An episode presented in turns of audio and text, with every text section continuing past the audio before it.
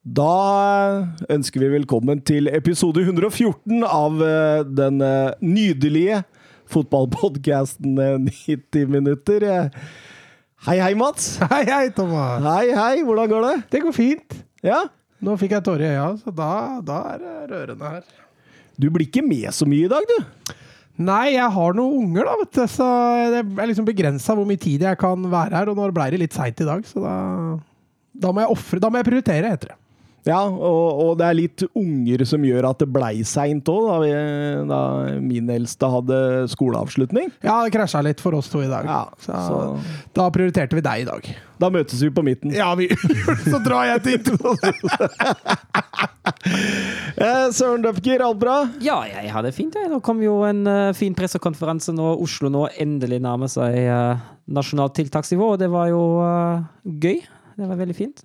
Ja, men de sa at bredden ikke fikk lov. Ja, Det får vi jo se, da. Eh, det er jo nå nasjonalt bestemt, men eh, det er jo en Ja, eh, blir det bra da, liksom? Hvis bredden ikke får lov å åpne? da kommer jeg til å bli sur. Ja. Men altså, nå, nå holder jeg meg. Jeg leste en artikkel i går at de vurderer, men de har fortsatt ikke bestemt seg. Og så tenker jeg, men altså, jeg sa jo for tre uker siden at man nå skal få lov i trinn tre. Hva skjer hvis de ikke åpner bredden nå?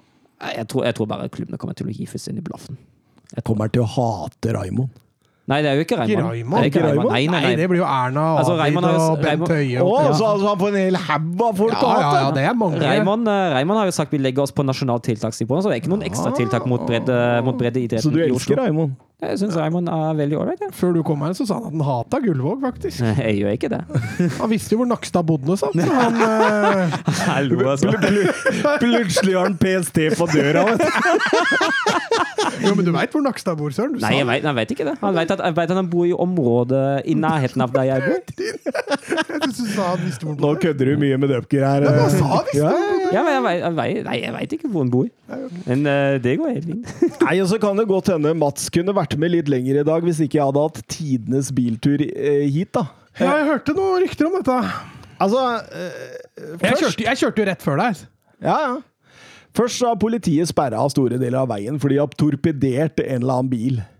Eh, det er omtrent rett utafor hagen vår, omtrent. ikke sant? Ja, den så jeg også, men Ja. den blokkerte ikke veien når jeg Nei, kom. for du, så da, du har sikkert kommet rett etter, du, vet Rett før. Eh, Ja, rett etter det skjedde, ja! ja, rett etter det skjedde, ja! Ja, det kan godt hende. ja. Eh, og så skal jeg jo ut på fra gamleveien eh, og ut på den uh, hovedveien der. Eh, da sitter et eldre ektepar i en sånn der eh, Skoda. Grusom Skoda. Og de, finner aldri eh, veien ut av, den, det krysset. Så jeg blir stående og stående og stående. og stående. Så kommer jeg til neste hinder. Der er lyskryss. Jeg tror det blir rødt lett, rett før. Altså, det er ikke et lyskryss, men det er der av veiarbeid. Det er der en bygger bort på Skjetten her, ja. Ja, der kan du stå i et par minutter. Ja, ja, og der ble det rødt idet jeg kom fram, Ja. liksom, på en måte. Og så er det noe veiarbeid lenger borti her òg. Og der ble jeg stående en god stund, for der var det en dampveivals som drev og styra i røra. Ja. Og som ikke det er nok, så var det en sånn 50-55 år gammel dame som hadde lært seg å gå på rulleski, eller det vil si, hun hadde ikke lært seg å gå på rulleski, som tryna i veien rett foran meg og lå uh, på uh, fotgjengerfeltet og hadde vondt. Ja. Au. Da Gikk det, måtte bra, du, måtte du ut. Ja, måtte jeg ut og høre. Og, gikk det bra med henne, eller? Ja, det Ja, det det. Litt skrubbsår og sånt, men det, Du fikk dytta av gårde. fikk dytta av gårde, ja. Sagt god bedring. Ja. Eh, så så eh, mange utfordringer i dag, men eh, vi må jo få avslutta sesongens ti spørsmål. ja, det er derfor jeg dukka opp, så. Ja, Nå satt Søren litt på plass på slutten her. ja og det Spørsmåla i dag er ganske letta, jeg finner ut av, fordi jeg prøvde den på en kollega av meg som er sånn delvis interessert. Ok. Ja, ok. Ja, og han klarte forholdsvis mange, i hvert fall i visse sånne sjangre. da. Så jeg har store forhåpninger til dere nå, faktisk. Nå legger press på oss, da. Ja, jeg legger press på dere som det ljomer etter, faktisk. Og eh, vi begynner som vanlig med en eh, oppvarming. Eh, vi skal ha en annenhver gang. Og eh, vi skal ha de 16 mest verdifulle spillere av som spiller EM, ifølge Transfermarkt. Eh, de må være i tropp til EM, og verdien går fra 160 millioner til 75 millioner euro. Mbappe. Da velger du nummer én. Kevin De Brøne. Da er du på nummer fem. Lukaku. Da er vi på nummer fire.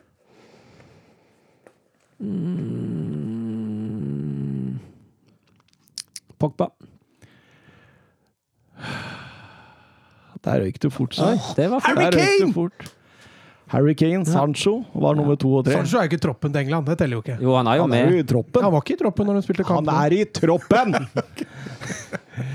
Frenkie de Jong, Bruno Fernandes, Joshua Kimmich, Raheem Sterling, Marcus Rashford, Joao Felix, Phil Foden, Marcos Llorente, Mason Mount, Mattis Delict og Ruben Diaz. Ja. Da har vi Det er 1-0 til Mats, og så går vi inn i kategoriene. Og eh, nå har jeg valgt noen nydelige kategorier, gutta. Oi, oi, oi. Gamle storskårere. Historiske debuter. Tysklands stjernehimmel. Sjokkerende Real Madrid-overganger. Kranglefanter. Og EM 2016. Få den Tyskland. Du skal få Tysklands stjernehimmel. Det skal du få. Og da kommer spørsmålet. Denne tekniske midtbanespilleren fikk, sin, fikk sin første landskamp mot Norge 11.9.2009, og blei i 2013 datidens dyreste tyske fotballspiller da han ble hentet for 42,5 millioner euro. Han har fått kallenavnet The Assist King.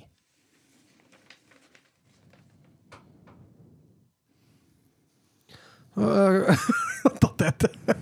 Er 42 millioner i 2014. I 2013. Ja, for, Debuterte mot Norge i 2009. Ble kalt The Assist King. Var datidens dyreste tyske fotballspiller. men i helsike! Altså, tenker Thomas Müller Nei, ikke han. Han har aldri blitt solgt noe sted. Eh, Bastian Schweinsteiger han gikk jo til eh, United. Men han blei vel ikke kjøpt, ble han det? Ja? Han gikk vel gratis?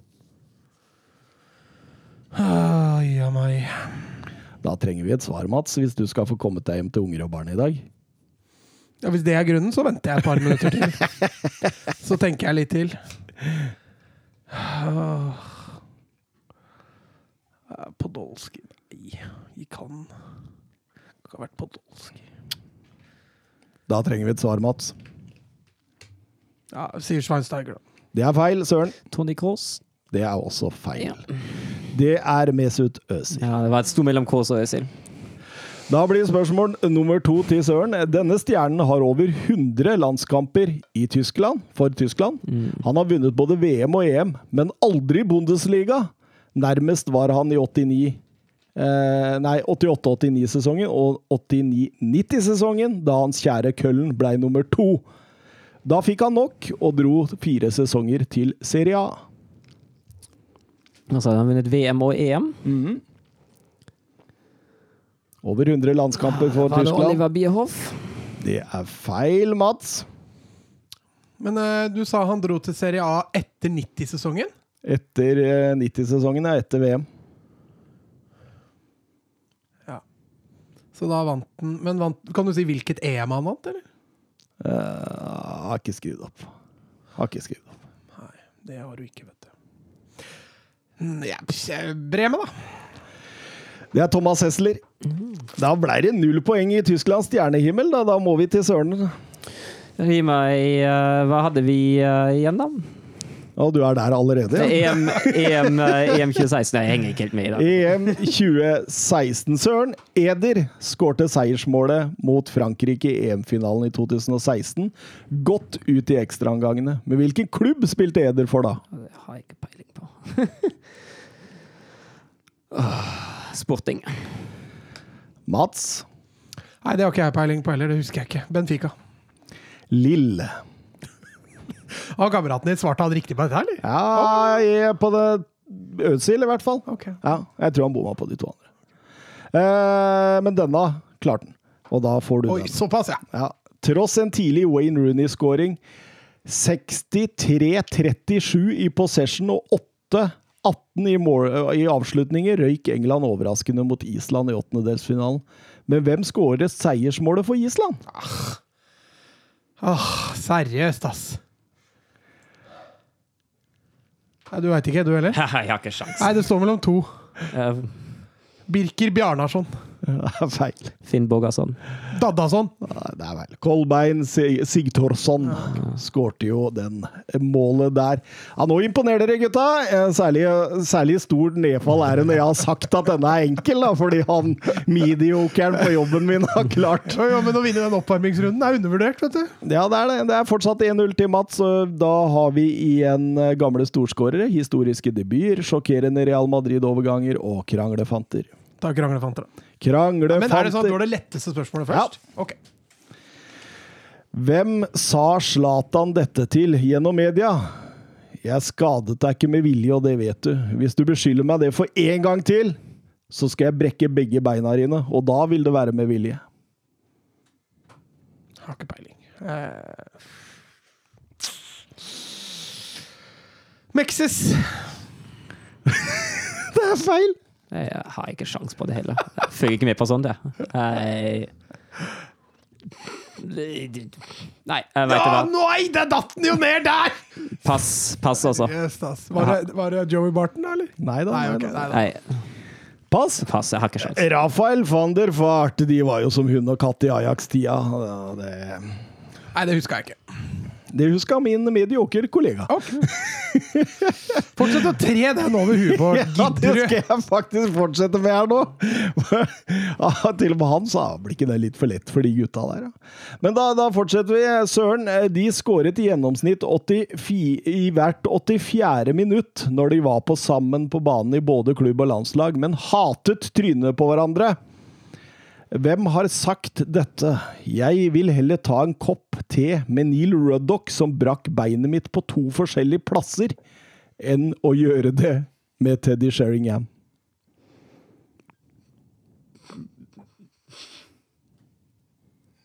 Nei, altså, veit du da. Jeg har ikke sjans på det her, altså. Ikke Jo, det, det har du jo, fordi du veit jo hvem Teddy Sheringham har vært i duo med på klubb og landslag. Men hvem han spilte sammen med på landslaget? Skåret sammen, sammen i hvert 80 Altså, en av de skåret hver 84. minutt sammen når de var på banen. på både klubb og landslag, ja. De spilte sammen på, på eh, landslaget, og de spilte sammen i eh, klubblaget. Og det var etter Teddy Sheringham eh, dro fra Tottenham. Ja, han hadde jo vært i United, tenker jeg da. Hvilken United-spiller var Ja, det var bra du sa, for jeg vurderte Darren Anderton, faktisk. Tenkte, han har brukket leggen et par ganger, så det må jo være han. ja, David Beckham. Det er eh, feil. Nei, jeg står stille sjæl, ass. Gjør du det, altså? uh, Sheringham han dro dit når Cantona Han skulle liksom ta over for Cantona. Men hvem var det som altså, Nå må ikke- nå var må du ikke hinte, han. Jo, men, det, det- ja, men jeg hinter ikke. Dette står jo i spørsmålet. Dere må ta spørsmålet her. Han sier 'Jeg vil heller ta en kopp te med Neil Ruddock, som brakk beinet mitt på to forskjellige plasser'. Hvem er det Neil Ruddock brakk beinet på på to forskjellige plasser? Dette er jo Altså, Jeg veit ikke, jeg, vel. det er fotballhistorie, gutt! Han spilte sammen på altså Neil Ruddock var jo stopper. Og da var han mest sannsynlig spiss på. Ja, Hvis han var i duo med Teddy Sheringham, så er det godt uh, oppsummert. og spiss da i United under Sheringham-perioden. Skal vi klare å skille dette? Andy Cole. Dwight York var ikke på England. Flere engelske spisser er det de har hatt på rundt 2000-tallet. Da trenger jeg svar. Ja, Andy Cole. Ja, riktig. Fucken, ass. God dag, mann. Økseskaft.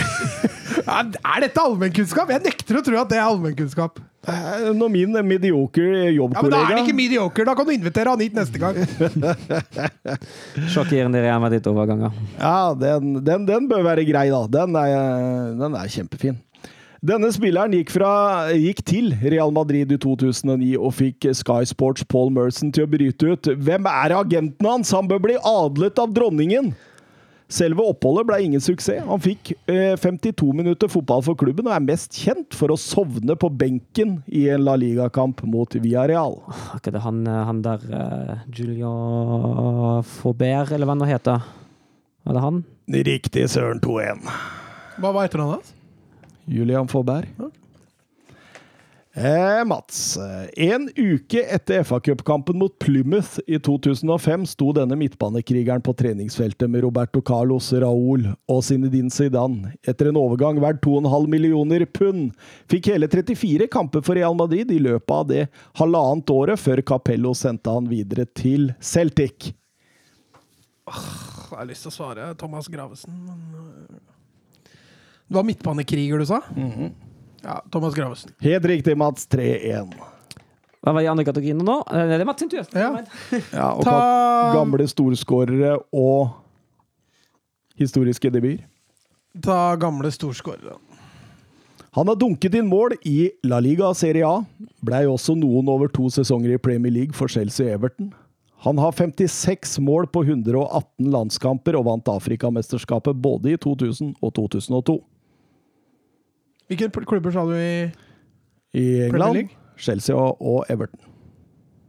Samuel Eto. Ja, det er riktig, Mats. Da er det 4-1. Søren. Han startet sin karriere i Padova, men ble på mange måter en one club man før han avsluttet karrieren i Australia og India. Han er Champions League-vinner, VM-vinner i tillegg til en haug av serietitler, og er mest kjent for utsagnet 'En riktig gentleman forlater aldri sin dame'. Som har en betydning. Ja, det er jo Det er en Juventus-spiller du er Du vet det, må jo være Del Piero. Det er helt riktig, Søren Del Piero 4-2, og da er det faktisk eh, fortsatt mulig å, å dra denne i land eh, for Søren. Eh, for nå skal vi over til siste kategori, som er historiske debuter. Hvem er det som skal ha spørsmål? Søren? Det er jeg. Ja. Da han kom til England med et rykte som en diver og gjorde sitt debut for Tottenham mot Sheffield Wednesday og ble matchvinner åtte minutter før slutt og feiret med at både han og Ja, lagkameratene. Eh, Fire-tre. Dette er her Hva, hva var kategorien? eh, historiske debuter. Historisk.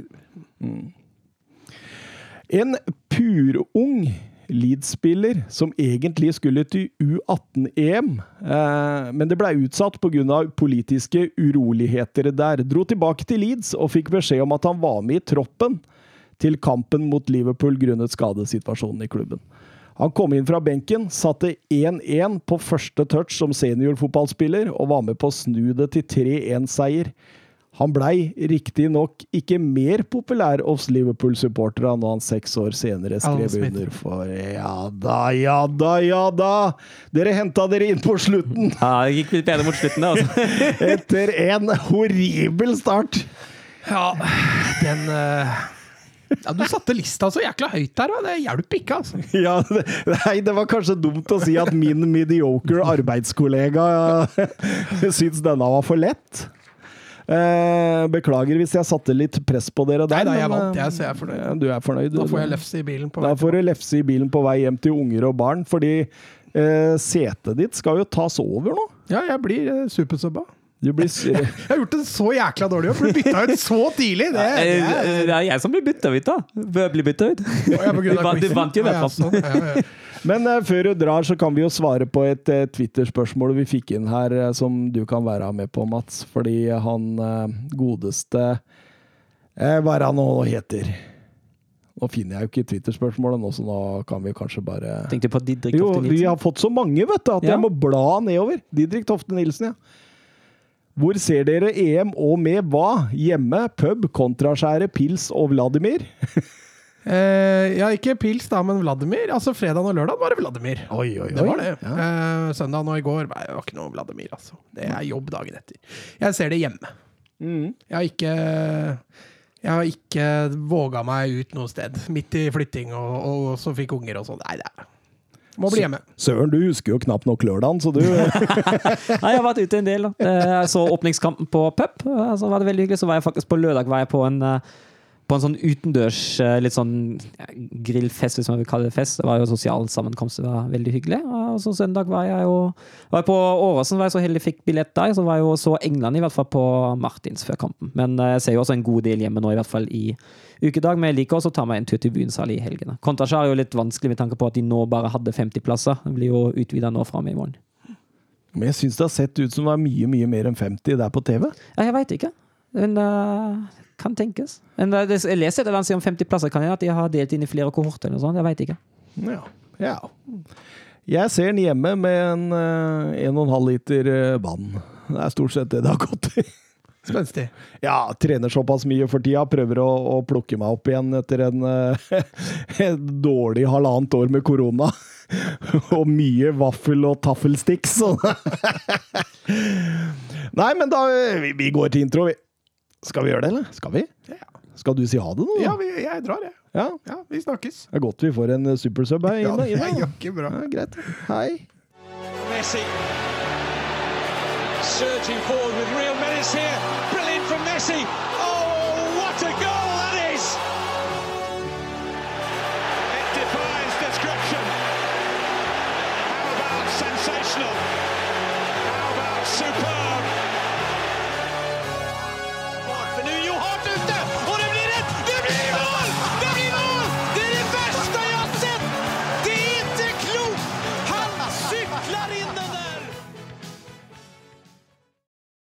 Ja da! Da var, da var Mats eh, forlatt studio, og inn eh, har eh, vår kjære Tor Kjetil Mårdalen kommet. Jo, tusen takk. Dere trengte en medioker kollega, var det ikke det dere snakka om?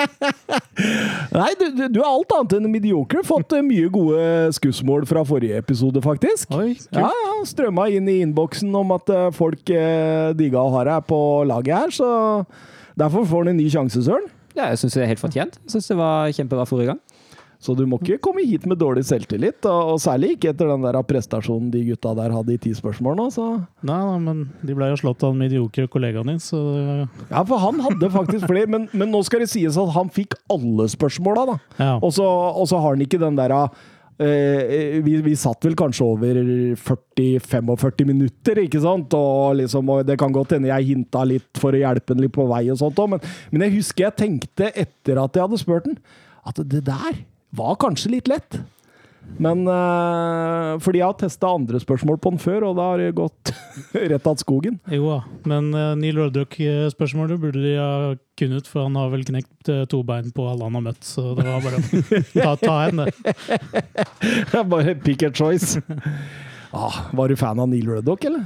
Uh, ja, det var jo uh, hva skal jeg si, mitt første møte med kjøttspiller. Men uh, jeg var jo forholdsvis eh, ung fortsatt når han holdt på. Men det var jo eh, jeg, jeg husker en historie jeg leste om eh, på, på trening. Så for å ha det gøy, så satte de alltid opp Neil Ruddock mot Øyvind Leonardsen i sånne løpetester.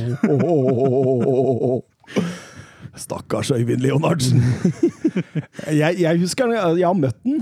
Uh, møtte den eh, Tottenham var og spilte treningskamp i, i Skien. Eh, da var jeg ganske liten, men da dro han meg med inn i spillebussen, og jeg fikk lov å Så han var veldig hyggelig type, liksom. Det er jo skikkelig kult, da. Ja, ja. Så eh, jeg tror han dro med mamma òg, faktisk, for å være helt ærlig. Øyvind Leonardsen? Nei, Neil Ruddock. Neil Ruddock, ja, ok. Øyvind Leonardsen. Ja, ja, han har jo spilt i Tottenham, han òg, så jeg skjønner hva du mener. Var mest kjent for Wimbledon og Liverpool, kanskje. Men han var ganske bra i Tottenham. Nei, skal vi over til det som vi egentlig skal snakke om? Ja, kjør på. Eh, vi begynner eh, sendinga med litt EM. Og så avslutter vi med transfers, som eh, er veldig, veldig moro. Eh, første kampen, åpningskampen, Italia-Tyrkia eh, vi, vi skal ikke gå helt gjennom sånn som vi normalt sett gjør, men nå skal vi liksom snakke litt om hva vi har syntes om det lagene har prestert. da. Og jeg må jo si det at Italia imponerte meg voldsomt. Ja, jeg er helt enig. Altså, nå er Tyrkia jo ikke banemat. eh, På ingen måte. Det er jo et uh, habilt lag de møter. Og så eh, De styrte jo kampen fra A til Å. Sendte vel en eh, eh, Fikk, fikk tilsendt en i via Messenger at hadde videresendt til dere den bilen som kjørte ballen, eh, ballen på banen, hadde mer possession enn Tyrkia i den kampen der. Ja, for det, det, de, de rundspilte Ja. Tyrkia i Fullstendig. Og den, altså, og den midtbanen der, den, den midtbanetrioen med Roginio, Locatelli og Barella, den er fin, altså. Ja. Men skuffer Tyrkia litt uh, i kampen? Eller jeg syns det virka som de ikke hadde helt uh, trua eller var helt klare, eller hva, hva det var med, med Tyrkia i den kampen? inngangen til Tyrkia er jo dårlig. Jeg er helt enig, den er for defensiv. Jeg tenker at uh, de kunne ha vunnet mye på å, på å flytte presslinja litt høyere. Uh, stiller meg litt skeptisk også til hvor mange ganger Cilini spesielt uh, fikk ta med ballen oppover og skape da et overtall på venstresida. Nei, men det, Italia, voldsom energi, voldsomt trøkk, og det virker som det er en sånn gjeng da, som har tro på dette nå. At uh, Manzini har styrt skuta helt i riktig retning, og at uh, Altså mm, Voldsomt imponert, men veldig spent også på når uh, stoppera og bekkene skal begynne å bli litt mer utfordra. Ja. Det kan bli spennende. Nå skal det sies at den var brukbar i denne kampen her, men den fikk jo knapt nok noe på seg. Eh, det, det var jo sånn det var. Eh, hva, hva tenker du liksom i forhold til Italia videre? Vi har fått et Twitter-spørsmål fra Oskar Carveio Holm. Er Italia en mesterskapskandidat? Jeg vil si at de er i, uh, i kretsen, da. Altså i sirkelen av de som kan gå til topps. Blant de uh, fem-seks toppfavoritter, definitivt. Uh, åpningen var absolutt overbevisende, så får vi jo se. Altså, Holder Italia fortsatt som en liten outsider, som vanlig. Jeg vil ikke si at en posisjon i Venezia har forandret seg veldig, uh, men de er absolutt å regne med. Jeg har tippa de til eh, semifinalen, så jeg har troa på at det kan gå langt, men eh, ikke hele veien. Men mm. det, det er klart at eh, med den åpninga så, så føler man at eh, de har noe, noe på gang, og det virker jo litt sånn, hva skal jeg si, det er kvalitet i alle, alle ledda. Men vi tror fortsatt at Tyrkia går videre. Ja, jeg, altså jeg tror Tyrkia slår Wales, i hvert fall. Ja, Sveits òg. Ja, Sveits imponerte meg ikke voldsomt, det heller. Nei, det de, de gjorde ikke de meg heller. Men uh, nå, Tyrkia imponerte meg ikke heller, da. Nei, men Tyrkia har tapt alle sine sju åpningskamper i alle EM og VM. Så, så her er det bare én stigning. Eh, altså det er jo et strålende lag. Eh, opp, åpenbart at Gunes her eh, bomma på inngangen, og at de aldri kom seg helt etter det. Jeg syns de aldri fikk i gang de kreative spillerne sine, og det ble bare jagende. Eh, men spennende, spennende. Eh, og en morsom åpningskamp. Eh, neste kamp, Wales-Sveits. Den var litt mer skuffende, syns jeg. det var litt mer av Dekkoligaen, holdt jeg på å si. Ja, det var det. Altså, det er jo et veldig defensivt Wales-lag som Sveits møter for all del. Uh, finner jo ikke helt, uh, helt ut av det. Finner vel Jeg syns nå Embolo begynner å å komme seg litt. Uh, litt sånn de ti minuttene før pausen, 15 minutter etter pausen, også i den perioden da Sveits går, da ser det litt bedre ut. Da de begynner å finne litt mer ut av det, begynner å dra litt mer på, på Wales-stopperne. prøver Prøve å dra de litt mer ut av posisjon. Da begynner det å se litt bedre ut, men alt i alt er jeg enig, Sveits imponerte ikke. Og så jeg stiller meg litt tvilende til at når man tar scoringen fem minutter etter pausen, at man blir så passiv som man da blir de resterende 40. For hadde de bare fortsatt i samme linje, da tror jeg de greit kunne ha tatt den kampen der, altså. Hva tenker du? eh? Eh, jo, det Jeg bare sitter og ser litt på statistikken fra kampen og ser at uh, Sveits har jo 18 skudd mot, på mål mot uh, Wales sine 9, så det tyder jo på at uh, ja, Sveits har mer kvalitet eh, enn Wales. Eh, samtidig så vil jeg jo si at eh, Gareth Bale virker som han syns det er litt gøyere å spille fotball på Wales enn på noe som helst klubblag. Eh, Mr. Manbun Bale, han, han er jo Det er jo spilleren de ser til. Det merker du jo, og han har jo noen fine detaljer ute på banen der, virkelig, altså. Men altså eh, Det er så ujevnt over eh, dette walisiske laget, og, og, og når du da også har en sånn inngang om at du bare tillater den andre laget å spille ball, og så skal vi kontre med Daniel James og Gareth Bale. Og så skal vi fylle opp med Aaron Ramsey og så lempe baller mot Keefer Moore. Og der er vi, liksom! Det, det er det du har å komme med. Så, så begynner jeg å bli veldig skeptisk til dette eh, Wales-laget. Men, men samtidig veldig skeptisk til, til Sveits. Jeg syns det også. Altså, ta bort Brelem Bolo fra det laget der, da, og så se hva de stilte opp med da. Ja, altså, altså du ser jo altså, Wales lyktes jo i hvert fall i å holde Shakiri usynlig. Og da er mye gjort, altså. Ja, Ja, Wales, nei, eh, Sveits, mener jeg. De, det, er litt, det er noe kjedelig over de. Ja, det er sånn solid. Altså, ikke så mye mer. Nei, altså absolutt. da. Det, jeg, jeg satt og tenkte på det når de leder 1-0 der, og så tar ut Shakiri og setter inn Sak Zakaria. Da. Altså, du, du setter da premissene for videre det spillet i kampen, altså. Ja, jeg er helt enig, og det er liksom det jeg mener altså med å bli passivt. De hadde jo noen muligheter etter 1-0. Altså, etter sånn, I hvert fall rundt 60 begynner man å falle fryktelig og overlate ballen til, til Wales, og det skjønte jeg ikke helt. Og, ja. Kan jeg også si at eh, Vi snakket jo litt om keeperne. Han valgte jo til slutt Ward istedenfor Hennessy, og den, det valget gjorde seg jo betalt. Jeg syns Ward spilte en eh, veldig god kamp. ja. Han, eh, han var veldig bra. Så det, det Der får i hvert fall Page godkjent. Mm, definitivt. Eh, videre så var det jo Danmark-Finland, eh, og det, det Altså Jeg syns det er vanskelig å snakke sportslig om den. altså.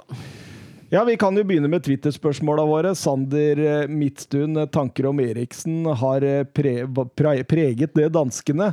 De sluttet jo å spille fotball. Det var som å gi seieren til Finland og, og spille den samme kveld. Og Geir Halvor Kleiva han skriver Trodde dere som meg at nå er vi vitne til Christian Eriksens bortgang. Hvordan påvirket det dere? Jeg ble veldig prega. Jeg er helt enig med Geir Halvor. Jeg trodde, jeg trodde vi så nå at han rett og slett døde på banen.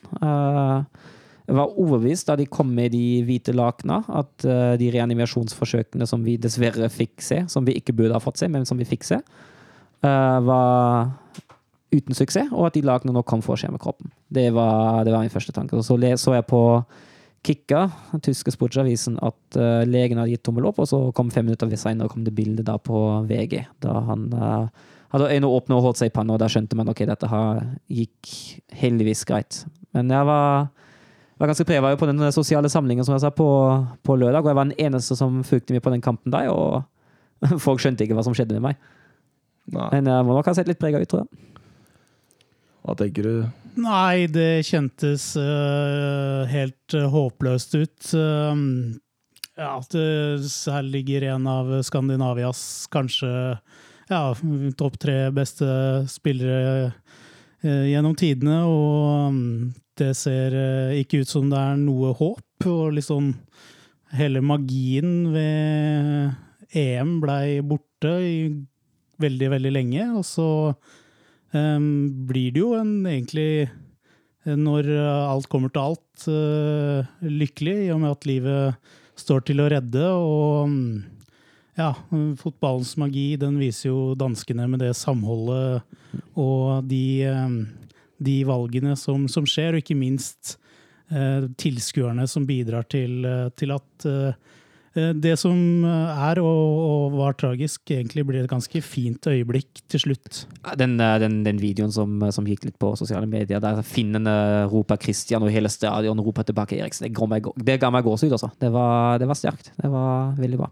Og, Fikk, fikk, tårer i øya jeg, når mm. Kjær og Schmeichel Ja. eh, trøsta kona der, eller samboeren og sånt. ja, og, og, altså, og da, de sa jo han pusta og han har puls, men da så det virkelig ut som at de trøsta en egentlig sørgende Men som, som, men, men som eh, Tor Kjetil er inne på her eh, Står respekt av de gutta ute på banen der, altså, som sto og skjerma og, og tok ansvar. Men det skal ikke være nødvendig. Det, det, det skal, altså, ja, respekt til hele det danske laget. Stor respekt til, til Simon Kjai, uh, som virkelig viser seg uh, kaptein. kaptein. Ja, virkelig. Uh, stor respekt til alle de gutta som, som var på banen. Men det skal ikke være nødvendig å måtte gjøre det. Da skal kameraene bort med en gang. Men det, det kan, ja, jeg er helt enig med, med Søren, men jeg tenker jo det kan også handle litt om um, de på tribunen som på en måte ikke har noe valg å, å se der, så de, de skjermes jo i hvert fall eh, en god del av tribuneseksjonen skjermes jo ved den handlingen eh, de gjør der. Så, mm. Og så er det jo eh, litt eh, søtt eh, i det øyeblikket når at eh, den ene av disse medicene går ut av banen med et finsk flagg som dekker over Eriksen, som tydeligvis da har kommet fra, fra tribunen, vil jeg anta. Så det ja. Og, og, og deilig å se at Christian Eriksen overlevde. At han, at han eh, til og med har sendt Altså, legen sa han så kampen! Ja. Fordi eh, den blir jo satt i gang igjen på 0-0 eh, to timer nesten seinere. Og, Og du ser jo Kjær må byttes ut, og det, det, der, det der var ikke bra. Altså, du ser hele danske laget. De forsvinner jo fra å ha spilt en Altså, de har spilt Finland rett og slett rundt, omtrent, i, i hele første omgang, og så plutselig så er det en helt jevn fotballkamp. Ja, og at man jeg skjønner Altså Hadde det vært så vanskelig bare å blåse av en kamp og la den stå 0-0? Hadde det vært noe problem, egentlig? Jeg tror uh, verken Finn, Finne eller fotballfolk hadde holdt noe imot noen hvis den hadde blitt blåst av. Nei, bare blås den av, la den gå 0-0, og så kan vi videre til neste kamp om danskene føler seg klare. Helt greit, men det ultimate som, altså hvis det stemmer det med det ultimate med at enten så spiller dere i kveld, eller så spiller dere klokka, søndag, øh, klokka tolv på søndag, det, det syns jeg er respektløst, altså. Ja, absolutt. Helt katastrofe. Absolutt. Eh, bør ta litt mer hensyn. Eh, Fotball blir uvesentlig. Ja. Men han blei jo spilt, og, og din kjære Bundesliga-spiller Ja. Poyan Pallo, han, han skårte Finlands eneste mesterskapsmål gjennom tidene på Finlands eneste avslutning i mesterskap gjennom tidene. Ja, men altså, altså respekt der òg. han, uh, han slutter jo å feire. Han roer ned lagkameratene som har lyst til å feire, og tar det veldig, veldig veldig piano. Uh, og det, det er jo tross alt et stort øyeblikk for Finland, for Poyan Palo, for hele gjengen. Men uh, respekt med Altså, jeg syns finner opptrår på, opptrår på en verdig måte i den kampen der også. Det, vi roser de danske gutta, men vi kan også rose de finske gutta. Altså. Det, de håndterte dette ganske respektfullt i år. Og så må det være lov å sende en uh, blomsterbukett til Pierre Emil Høibjerg, og som i stundens alvor også brenner straffespark. Ja, det kan jo nesten understreke stundens alvor. Ehm, Når du skal ta straffespark på Løkka, så kan det være nervøst nok for de av oss som ikke, ikke er vant til, eh, vant til det presset. Men han gjør det, mm, går fram og tar ansvar. Og at han bommer, det tror jeg ingen i Danmark egentlig holder mot han. Nei, og ikke med tanke på at han er vel straffeskytter nummer fire og fem i det laget der òg. Stort sett alt hadde var ute. Så det Nei, eh, fryktelig. Finland vinner 1-0, og jeg eh, håper danskene reiser seg i dette mesterskapet. Det hadde vært kult. Jeg, jeg, jeg er litt spent der, faktisk. For jeg tenker liksom det de har opplevd sammen, og forhåpentligvis får bearbeida, og når utfallet er bra, så, så kan jo det utløse en eh, kraft eh, i det laget som eh, gjør at jeg tror de i hvert fall kan bli, bli spennende å følge. og ehm, det er jo, hadde jo vært en drøm og et håp, nesten. Tenk eh, Danmark eh, vinne EM, og Christian Eriksen løfter den pokalen sammen, sammen med gutta. Det hadde vært et Og det, det tror jeg hele fotball-Europa hadde unnt Danmark òg. Helt klart, helt klart. Og, og Christian Eriksen sa, hadde vel også en melding at eh, spill nå for hele Danmark. Mm. Men de har litt rett uh, med tanke på Danmarks sjanser, må jeg innrømme. Belgia er en tøff motstander. Uh, de har mista sitt fremste offensive våpen. Det kan bli tøft, altså. Det var vi inne på i den EM-podden før òg, at uten Christian Eriksen så vil de slite mye mer. Ja. Men det er som du sier, vi får håpe de finner fram noe kryptonitt eller et eller annet sånt som Jeg hadde unnet, Ja. unnt dem det. Virkelig. Eh, videre. Eh, Rus Russland, Belgia 0-3. Lukaku vaska gulvet med russiske eh, spillere og eh, ja. Ja, det kan man jo si. Jeg syns jo Belgia spilte en uh, suveren kamp. Ja. Jeg synes det, så, det så bra ut. Nå må jeg jo si at Russland syns jeg var skuffende svakt i all ledd. Eh, Altså, hvis man ser egentlig alt presset var ikke sammenhengende. Forsvarsspillet var Det, det slo spriker så snart belgierne begynte å skyve på posisjonene. Gedigen bom før 1-0. Det var egentlig ingenting, ingenting som fungerte da i det russiske laget, men eh, jeg syns jo Belgia spilte, spilte bra. Utfordra russerne, skapte gode, gode trekant-firkantsituasjoner, overtall på de viktige områdene, og vant fullt fortjent.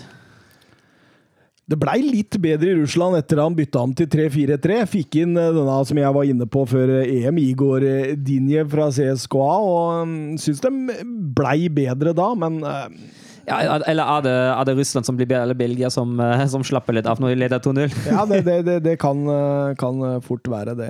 Artig å se når Lukaku skårer 0-1 og, eh, og roper inn i kameraet der. Ja, Chris, be, be strong, I love you. Den var fin. Den var fin. ja, fint. Eh, Men, men eh, Russland syns jeg det bekrefter alt vi snakka om før EM. Tungt og treigt, og det er stort sett bare Golovin som er eh, artig å se på på det laget der. Altså Selv Shuba så ut som han var 72 år i den kampen der. Og jeg, jeg syns det der, der ser ut som det går rett ut. Ja, det tror jeg også. Eh, Belgia eh, ble ikke satt på de store prøvene defensivt, og det er jo der vi på en måte mente at skoen trykka. Og når de ikke blir satt på den prøva, så har de jo offensive kvaliteter ut av en annen verden. Og skal det sies at eh, Kastanja var altså ute for mesterskapet. Han brakk Ja, han- øyehulen, tror jeg var det. det var Fikk seg en skikkelig en, han. Hva sa Men- du at du gjorde? Brakk øyehulen? øyehulen, ja. Jeg tror han fikk, fikk brutt i øyehulen, eh, hvis jeg ikke, hvis jeg ikke lister feil. Men Uh... så er det jo Meunier som da andremann. ja, Og skal jo sies at mot Russland var det kanskje beste kamp jeg har sett av Meunier i hele sesongen. Han var god, men eh, det er jo klart at det er jo en svekkelse. Ja. kommer vel Kevin De Brøne tilbake etter hvert i laget der og sånt også. Ja. Det, Nei, det lukter svidd. det kommer til å lukte svidd, og så tror jeg ikke det kommer til å lukte svidd av Russland som drar med halen mellom beina og får høre Putins vrede om eh, noen uker. Ja, og for Russland er i hvert fall det resultatet i Danmark-kampen også veldig dårlig nytt. Absolutt. Eh, Lukaku brenner i 0-3 der, og da har han 22 mål og 4 assist på siste 19 for Belgia. han er i form, han Lukaku nå. og Det er, det er jo sånne spillere som kan vinne et mesterskap. Ja, det er jo et kjøleskap med Ferrari-fart uh, innimellom. Ja, det er det! Helt riktig. Han er, han, er, han er enorm, Han er enorm og, og, og den formen han er i nå Jeg tror ikke han har noen gang vært i en lignende form, egentlig. Eh, alt han gjør, blir til gull. Altså Selv om han står to meter i offside, så klarer han å få mål på den, fordi det er håpløst russisk forsvarsarbeid der. Det, nei, det er fortsatt outsider, eller? Ja, jeg vil si. Altså, jeg holdt dem jo ganske høyt oppe, og jeg gjør egentlig fortsette. Jeg tror Belgia kan komme langt. Ja. Så var det England-Kroatia. Og eh, de første 20-25 minuttene der, det er noe av det mest spillvillige jeg har sett av et engelsk landslag på lang, lang, lang tid. Altså, altså Kroatia de var ikke over midtbanen omtrent. Nei, de var spillesugne. Eh, virkelig, og gøy å se. eh, fordi man, eh, ja, man håper alltid litt på England når man, når man trer nisselua greit ned. Og, og Nisle på, ja, nisle på. selvfølgelig tippa de som vinner av EM i de interne tippekonkurransene. Det har gått an. Deilig, deilig. Så det var godt å se den eh, spesielt første halvtimen der. Det, de var påskrudd. De var det, og, og, og du, du visste jo når du så dette at Kroatia de er såpass bra at dette holder jo ikke hele kampen. Nei, de gjør ikke det. Og du ser den der midtbanen til Kroatia, og når de begynner å kunne få holde på ball, altså det, det er jo verdensklasse. Særlig Modric. Jeg syns Modric spilte en, eh, spilte en stor kamp. Men, Ja, for det gjorde ikke Brosevic! Nei, de, definitivt ikke! Men, eh, men eh, fortjent når Stirling setter 1-0 der, og, og, Nydelig angrep. 17 trekk. Philips nydelig gjennom der, og Stirling setter den eh, rett foran beina på en Sime Vresalco der, som kommer i 195 inn fra sida. Eh, var, eh, der var det sånn 100 eh, alt eller ingenting. Ja. han, han, han, han tok en råsjanse og bomma. Men, eh, men hva tenker du over, om dette England-laget, Søren? Nei, jeg, altså, jeg syns jo, som du sier, de første 20-25 minuttene ser bra ut. Er jo, utfordringen er jo å prestere på det nivået konstant. Uh, så synes jeg litt, Noen av disponeringene som, uh, som Gustav Southgate gjør, er ikke helt, uh, helt uh, forståelig. Uh, Trippier på venstrebekk, når det har Chilwell og Shaw i troppen. Uh, Høyrebeint venstrebekk, den skjønner jeg ikke. Uh, og så skjønner jeg absolutt altså, Nei, for du ser du får ikke Ja, brukt ja, er Trippiers styrker! Trippier står jo egentlig bare bak og slår Ja, lange baller. Det er jo det det han gjør, men du skal jo få han igjen på overlapp og offensiv. Eh, så den, eh, den skjønner jeg ikke. Og så skjønner jeg, Jeg vet jo aldri med Jaden Sancho om det ikke har skjedd noe disiplinært, men at du mot et sånt lag i en potensielt jevn kamp utelater en av de spillere som kan skape ting på egen hånd, helt fra troppen, det skjønner jeg ikke heller ikke. Har dere hørt noe om hva grunnen var? var, det bare, Det var bare at det var, de var for mange. Ja. Men eh, det hadde jeg ikke, det hadde jeg ikke utelatt Sancho. Han, eh, han er jo han er et- etter min mening blant de 11-12-13 spillerne som er nærmest landslag, altså nærmest startelven, egentlig. Jeg forsto ikke helt det Rashford-byttet heller, for å si det sånn, at han skulle begynne å surre ut på høyresida der. Han har har vært god for Manchester United i tre minutter en gang, når han har blitt prøvd ut på høyresida. Ja. Så, så ve veldig spesielt. Men, eh, og, og, og det at han vraka Grealish. Ja, hva i alle dager? Nå er det klart det at Stirling eh, var vel kanskje den åpenbare å vrake da, hvis han skulle kjørt Grealish, og Stirling svarte jo virkelig på tiltale, men eh, du føler liksom at når Grealish sitter på benken i 90 minutter, så blir du litt snytt. Ja, du føler det. Du blir, blir snytt for en attraksjon. Eh, Det, det, er- ja, vi får håpe at Grealish eh, kommer tilbake. Jeg hørte rykter om at han var første som forlot eh, stadion fordi eh, han var uenig i, i det, det valget. Ja, men det skjønner jeg. Ja. Det skjønner jeg. Eh, Stirling har 23 kamper på Wembley, han. Eh, Vet du hvor mange, vet du hva statistikken er for England? 23 kamper for England Ja, han har 23 kamper fra England på Wembley. for Wembley. Det, de må være, det tror jeg er ganske gode statistikker når du spiller sånn. da. Sikkert noe sånn, jeg vet ikke, ti mål, ti assist. Ja, Han har skåret eh, 11 mål på Wembley, og England har vunnet alle 11. Ja. Han har eh, 21 seire, to uavgjort og null tap. Det Så det er jo greit å kjøre Stirling på Wembley, er det ikke det? Jo, jo definitivt.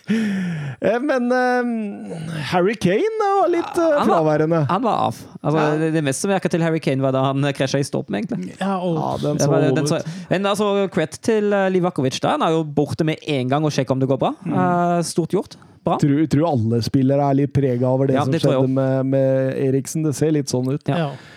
Men, eh, men samtidig, han åpner jo rommet for Stirling på 1-0, så Mm. det, alt er ikke bortkasta med Harry Kane i denne kampen. Eller? Nei, og det, det er jo litt det du, som du føler med Harry Kane, er at du har en, uh, en spiller som, som er god i så mange faser av spillet at uh, han kan åpne rom, og han kan binde opp forsvarere, og han kan uh, klarere når det trengs. Så det, så det er jo det er vel et solklart valg for England, selv om han var borte noen, noen i denne kampen.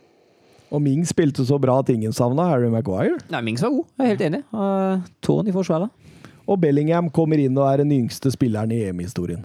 Morsomt. Han hadde et par ålreite taklinger der òg, Bellingham. Ja, han markerer seg. Eh, Men hva tenker vi om Kroatia? Guardiol på venstrebekk, søren? Det fungerte ikke helt. Det var litt synd. Uh, Er god defensivt, altså. ja, ja, det er jeg enig men det Han altså- møtte en Foden i storslag. Ja, ja, han gjør det. Uh, og så fungerer, jeg syns ikke det fungerte helt offensivt. Men uh, jeg syns man så litt av kvalitetene. Eh, selv om han hadde en svak kamp. Men uh, holde litt på ballen, være litt, uh, være litt sånn moderne midtstopper. Men moderne midtstopper er ikke like en god venstrebekk nødvendigvis. Så ja, jeg, jeg, altså, jeg, jeg tror han kan bedre. Men hvem, hvem- hvem skal gjøre målene i Kroatia? Ja, det, Det er et uh, veldig godt spørsmål. Nå prøvde de jo Ante Rebic som en uh, type nier. Mm. Det funka veldig dårlig, og alle som har sett Ante Rebic i AC Milan, vet jo at Ja. han er mye bedre når han kommer ja, men altså, det, det, det skjønner jeg ikke heller. Hvorfor ikke bytte Kramaric og Rebic? Kramaric er jo en spiss. Kramaric kan fint fungere som, som toppspiss, og så kan du få Men er ikke han mer bakrom? For de spilte veldig Jo, ofte på. Jo, jo, for all del. Men han er jo han har litt fysisk styrke, vet du hva da. Men Ja. eh, ja, han hadde slitt mot Stones og Mings, for all del. Det hadde han jo for.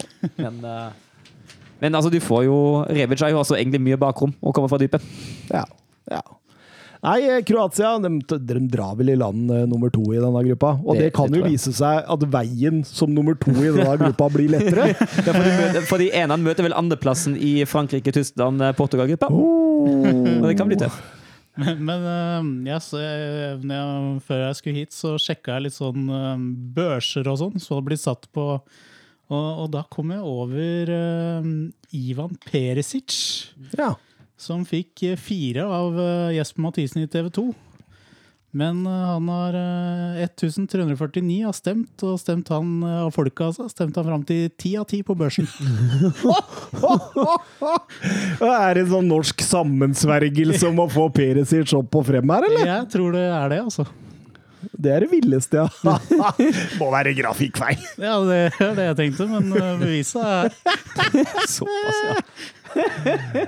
Ja, det er like artig som når eh, folk eh, Hvem er dem stemte banens beste igjen som aldri hadde spilt? Martin Ødegaard. Martin Ødegaard, ja, altså. Martin Ødegaard satt på benken hele kampen og ble banens beste. Det blir litt der. med sånn Ja. 49 av stemmene eller noe. Ja, det var helt enestående. Eh, Skottland-Tsjekkia, det blei Altså, eh, Skottland er best, Tsjekkia skårer mål. Og Ja. Tsjekkia skårer fine mål. Ja, skikk. Altså, den er nydelig. Det var helt konge. Men jeg er helt enig i at Skottland er best, men Skottland treffer ikke mål. Jeg tenker, altså, Særlig den til Dykes, da, han kommer. og Han, har jo hele korthjørnet åpen. Det er jo så mye plass, og så plasserer han rett på Verslik. Jeg har vel noen mangler altså, Har vel kanskje noen mangler på topp med Dykes. eh, Yep. Kvalitetsmessig, sånn sånn, jeg tenker på, så har de jo Shea Adams uh, som kommer inn. Han Ja, det, det skjønte ikke jeg. Altså Greit nok at han kun har ni Premier League-mål denne sesongen og ikke er typen som bøtter inn, men han er jo en spiller som på en måte Altså, for meg så er jo han ti ganger Lyndon Dykes. Ja. Ja. Så, så jeg fatta ikke helt den. Altså, Ryan Christie spilte vel oppi der òg, så Ja. det er jo ingen målmaskin. Så, så da er vi nok igjen til gang med det der av hvem skal skåre måla her? Ja. Ja, Kevin Nisbet. Uh... Ja, ikke sant? Da, da har du stjerna, ikke sant? Ja. Skal vi si at Jeg ble litt overrasket over Tsjekkia. Uh, hvor mye de tillot at Skottland vendte ut mot Robertson. Ja, Robertson var god. Ja, han var god. Jeg er helt Han enig, men eh, jeg tenker jo altså det skal ikke, Når du spiller for Tsjekkia altså, og spiller mot Skottland, det skal ikke komme som en overraskelse over at Skottland prøver å aktivere Robertson på venstre der. Og det lyktes de altfor mye med. Det jeg tenker jeg er egentlig en tabbe der av Tsjekkia. Men visste du at eh, Patrick Schick-målet 0-2 er det lengste Eller det EM-målet gjennom tidene som er skåret fra lengst avstand? Jeg så det. Var det, en, var det en tysker som hadde forrige Selvfølgelig. Det var jo Mr. Torsten Frings på hjørnet. Yeah. Han hadde jo en sånn der fra ekstremt skrå vinkel, han. Ja, det var den. Ja, herregud. Ja, ja. Ja. Den var EMs lengste, fram til eh, Patrick Schick dunka den eh, til fra 45 meter der. ja, den treffer jo godt òg. Går jo rett under tverrligger og nesten i krysset. Og- Men nok en gang to lag jeg ikke la meg voldsomt imponere av, altså. Nei, jeg tror de skal få det tøft. Ja. Samtidig så syns jeg de mm, virka som de mm, var påskrudd da de syntes Ja, det, det var det gøy å være hjem. Mye trøkk i det Skottland-laget òg. Ja. Det mangla jo Kieran Tierney, og det er jo, det er jo Han er klar til England-matchen, hørte jeg. Så det Det blir er bra for. Skottland. Det er bra for Skottland. Vi går videre til Østerrike-Nord-Makedonia. ja, altså, da satt jeg og tenkte er dette EM jeg ser på, liksom? Men, eh, men det blei jo en helt ålreit kamp. Det ble det. Men altså, det, det første jeg la merke til deg, eh, er Franco Fodas ekstreme overforsiktighet. Å flytte David Alaba som den sentrale mannen i en trebekslinje, da hadde du kastet han bort, altså. Mot et sånt lag. Altså, Å nei, vi møter, vi møter Trekowski og Pandev. Bedre sikring med Alaba. Altså, det skal nesten ikke gå an å bli så passiv, for det blir jo bedre til slutt da han flytter han opp mot venstre. Men jeg forstår ikke det valget, nei. Men er det, er det EMs nest beste kapteinprestasjon etter Kjær, selvfølgelig, når han klarer å stoppe kjeften på Arnautovic? Ja. Ja, det må det være, altså. Ja. Men er det én Arnatovic hører på der, så tror jeg det er han. Alaba. Og veldig, veldig fint hvor kontant han griper nå.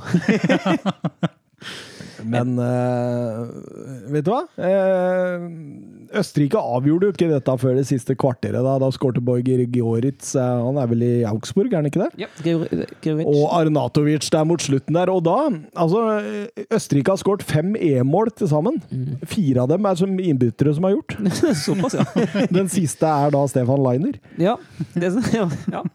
Så det er litt spesielt. Og Stefan Leina har jo skåret to landslagsmål i sin karriere for Østerrike, og begge to kom mot Nord-Makedonia. Men skal vi skryte litt av Sabitzer-pasningen Ja, der, eller? Ja, vi skal kanskje generelt skryte av Sabitzer, syns jeg. For jeg syns Sabitzer spilte en eh, fremragende kamp med en fantastisk forståelse i hvilke rom han måtte bevege seg i for å styre det angrepsspillet til Østerrike.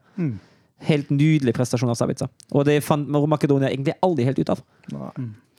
Østerrike kan fort gå videre så, altså, som ja, altså at et av de lagene fra den gruppa blir en sånn av de fire beste treerne. Mm, mm. Ja, det er, det er Nederland og Ukraina som er de to neste. Ja, stemmer. Ja, ja de, de kan bli fort Altså, jeg også ser på dem som et sånt lag som kanskje kan bli eh, beste treer videre. Ja, altså, jeg ser jo ikke helt altså, Foda er jo riktignok overforsiktig, men eh, de kan fort ende opp med å ta poeng mot både Nederland og Ukraina. Og fire-fem poeng, det skal jo egentlig holde, det. Ja, når du er inne på Nederland-Ukraina, det ble jo en av EMs morsomste, i hvert fall. eh, Den beste annenomgangen. Ja. Eh, ekstremt morsomt. Eh, 1-0 Vinaldum der etter 52 minutter. Wout Weghorst etter eh, 58. Så snur Ukraina med to raske, Jarmolenko og Jaremsjuk. Og så er det banens soleklart beste spiller Denzil Dumfries som eh, setter 3-2 der. Ja. Kan vi si at Dumfries bør ha skåra tidligere opp. Ja. Men for en kamp han leverer! Ja, herregud. Det er Altså, er det noen i Europa som har lyst på en høyrebekk? Her, kom og ta han, da! Ja, ja, for det er litt det han leverer i den kampen her. Det har du lyst til å ha i væskeform og intravenøst, for det, det var sterkt eh, innimellom. Så Ja, det var helt, helt fantastisk. Når vi skal ut av Dumfries, må vi dessverre trekke litt for uh, Mykolenko. Ja, ja, altså, Men han får ikke hjelp, da. Nei, det er nettopp men- det som er greia. Han, får, han er jo helt aleine mot to, to hver eneste gang. Jo, for all del, men Så jeg, så jeg vil heller forsvare ham litt. Ja, altså si at de som sitter på og kommenterer på TV hvor elendig han var, de må jo begynne å se på helhetsbildet. fordi altså, hva skal du gjøre når Dumfries og, eh, og eh, Hvem var det på høyresida der igjen? Eh, Depay dukker vel opp overalt? ja, Depay dukker opp overalt, men det var, eh, det var en annen der som var med og utfordra det rommet der hele tida fra midten. Deron. Deron, ja. De to kom jo opp på den der høyresida der, og, det, og, og Sinchenko ble aldri med ned. Zinchenko, og- Sinchenko var helt katastrofe. Men men fordi det virker som uh, han, for han starter i en sittende rolle.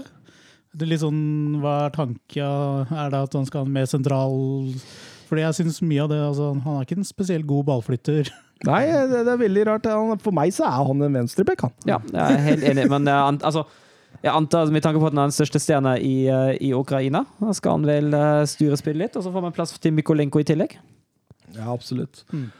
Eh, men, det- men det er ingen av laga her heller som imponerer meg sånn voldsomt. Nei. Og hvis det er noen, så er det jo Nederland. Ja, men altså, Nederland defensivt, det var ikke bra. Nei, det var ikke bra. Det var ikke bra. Men de har mange ute der, da, så det er liksom plan D og E som, som de avslutter den kampen med. Jeg håper ikke de skal kjøre han Timber resten av EM, for å si det sånn. Altså, da var faktisk Danny Blindt bedre. Ja, Det blir resten av EM kort, i hvert fall. Ja, det, det, det tror jeg. Altså. Men, men er det litt rart at han bytter bak der, eller var det skade på blindt? Eller på det Nei, ja, det, han han tror jeg bare blei tatt av, rett og slett. Uh, han bytta jo flere der. Ja, Han bygger jo for en Arnold samtidig blind òg. Mm. Rare greier. Jeg er helt enig, det er rart.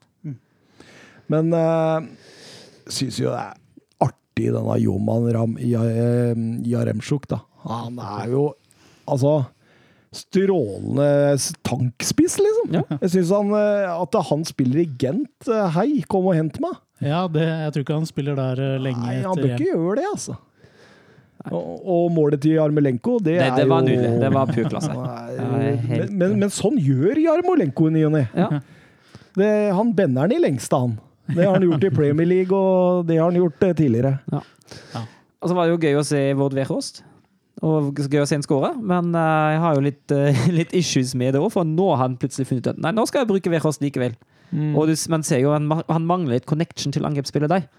Uh, og det er jo kanskje ikke så rart når du ikke har brukt den i Når du har ignorert den blankt i hele 2020-2021-sesongen, og så finner du ut i siste kamp mot Georgia vi kjører Wehrhost. Og kan vi like godt kjøre den i EM òg. Veldig glad når han skårte 2-0 der. Ja, jeg skjønner jo det. Og jeg, jeg blir jo glad sjøl. Det var jo gøy å se, å se Wehrhost skåre for all del. Uh, og jeg syns jo han bør ha spilt for lenge siden, men jeg tenker bare at den, uh, den disconnection du har skapt i angrepsrekka der, jeg har skapt sjøl det bordet, altså. Det er jo mye som skal innom uh, Depay eh, offensivt, og det er ikke alltid Depay eh, er like interessert i å, å dele, dele, dele med de andre. Nei, nei, han gjør ikke det. Han, gjør ikke det. Han, er, han er interessert i å ta de vanskelige valga iblant òg, så det, det er veldig Jeg kan tenke meg for en spiss da, som ikke er vant til å spille i det laget og, og ha Depay rundt seg. Det må være ganske vanskelig. Ja, han er uforutsigbar. Jeg, jeg tror du må lære deg å spille med Depay. Ja. Eh, over tid. Eh, dette her var forresten den første kampen i EM-historien som var 0-0 til pause, men det ble skåret fem mål etter. Det er Yes. artig statistikk. Ja, gøy. Så er det jo godt å se at uh, Wijnaldum eh, ikke har mista det etter at han forlot Liverpool. Da. Hvor mange dager siden? Kvarter siden cirka. Men, men jeg leste nå at Veinaldum, eh, Når han skårte, så var han den også den siste som skårte for eh, Nederland i eh, EM- og VM-sammenheng, og det var til tilbake i 2014. Oi. Mm. Den var vel ikke med her. Også. Nei, de, de gikk vel glipp av to turneringer på rappen, både Ja. EM16 og VM18. Så sist som skårte, var også Vinaldum. Ja. Så han, eh, og han har et voldsomt snitt i Nederland i forhold til han hadde hatt i Liverpool. Altså. Så Ja. han er åpenbart en litt annen type posisjon. Litt mer kommer inn. Ja, jeg syns han blir mer offensiv. Mm. Han er en veldig anvendbar, eh, smart spiller. Hva var det han var i Newcastle? da? Venstreback? eh, Ja, det var litt kant, og det var masse rart. Men han kom jo altså Han husker jo han starta også i Eres-divisjonen som en litt sånn kantspiller. Mm. Så veldig spennende karrierevei. ja, det kan man si. Og, og kaptein. Du ser også det at hvordan han driver opp lagkompisene etter 2-2 der. At det, åpenbart at han har mye å si der også. Ja.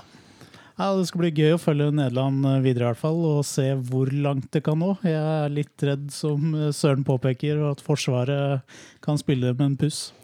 Ja, jeg holder ikke Nederland blant eh, favorittene. Jeg tror Nederland ryker forholdsvis tidlig i år. Ja. Eh, Polen-Slovakia, da. Ja, når du er først inne på to lag som ikke imponerer voldsomt, da. Det var jeg. var så skuffa over Polen. Jeg, for jeg hadde ja. gleda meg til å se dette polske laget, med Lewandowski på topp og sånt. Men spilte- Lewandowski? Han, nei, han, han er jo en helt annen spiller.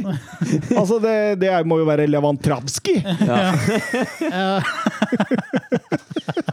En eh, russisk eh, Nei, russisk er det jo ikke, da, men en polsk eh, kjøpmann fra Gdansk som spilte på topp der. Ja, altså, altså tenkte jeg litt sånn at det er, det er det samme med Polen hvert eneste år. Hver eneste gang de har mesterskap, tenker man at dette laget har ser bra ut. Dette laget ser lovende ut, det er gøy. Og så kommer kamp én, og så blir det skuffelse. Og så kommer kamp to, og så blir det skuffelse, og så er det ute.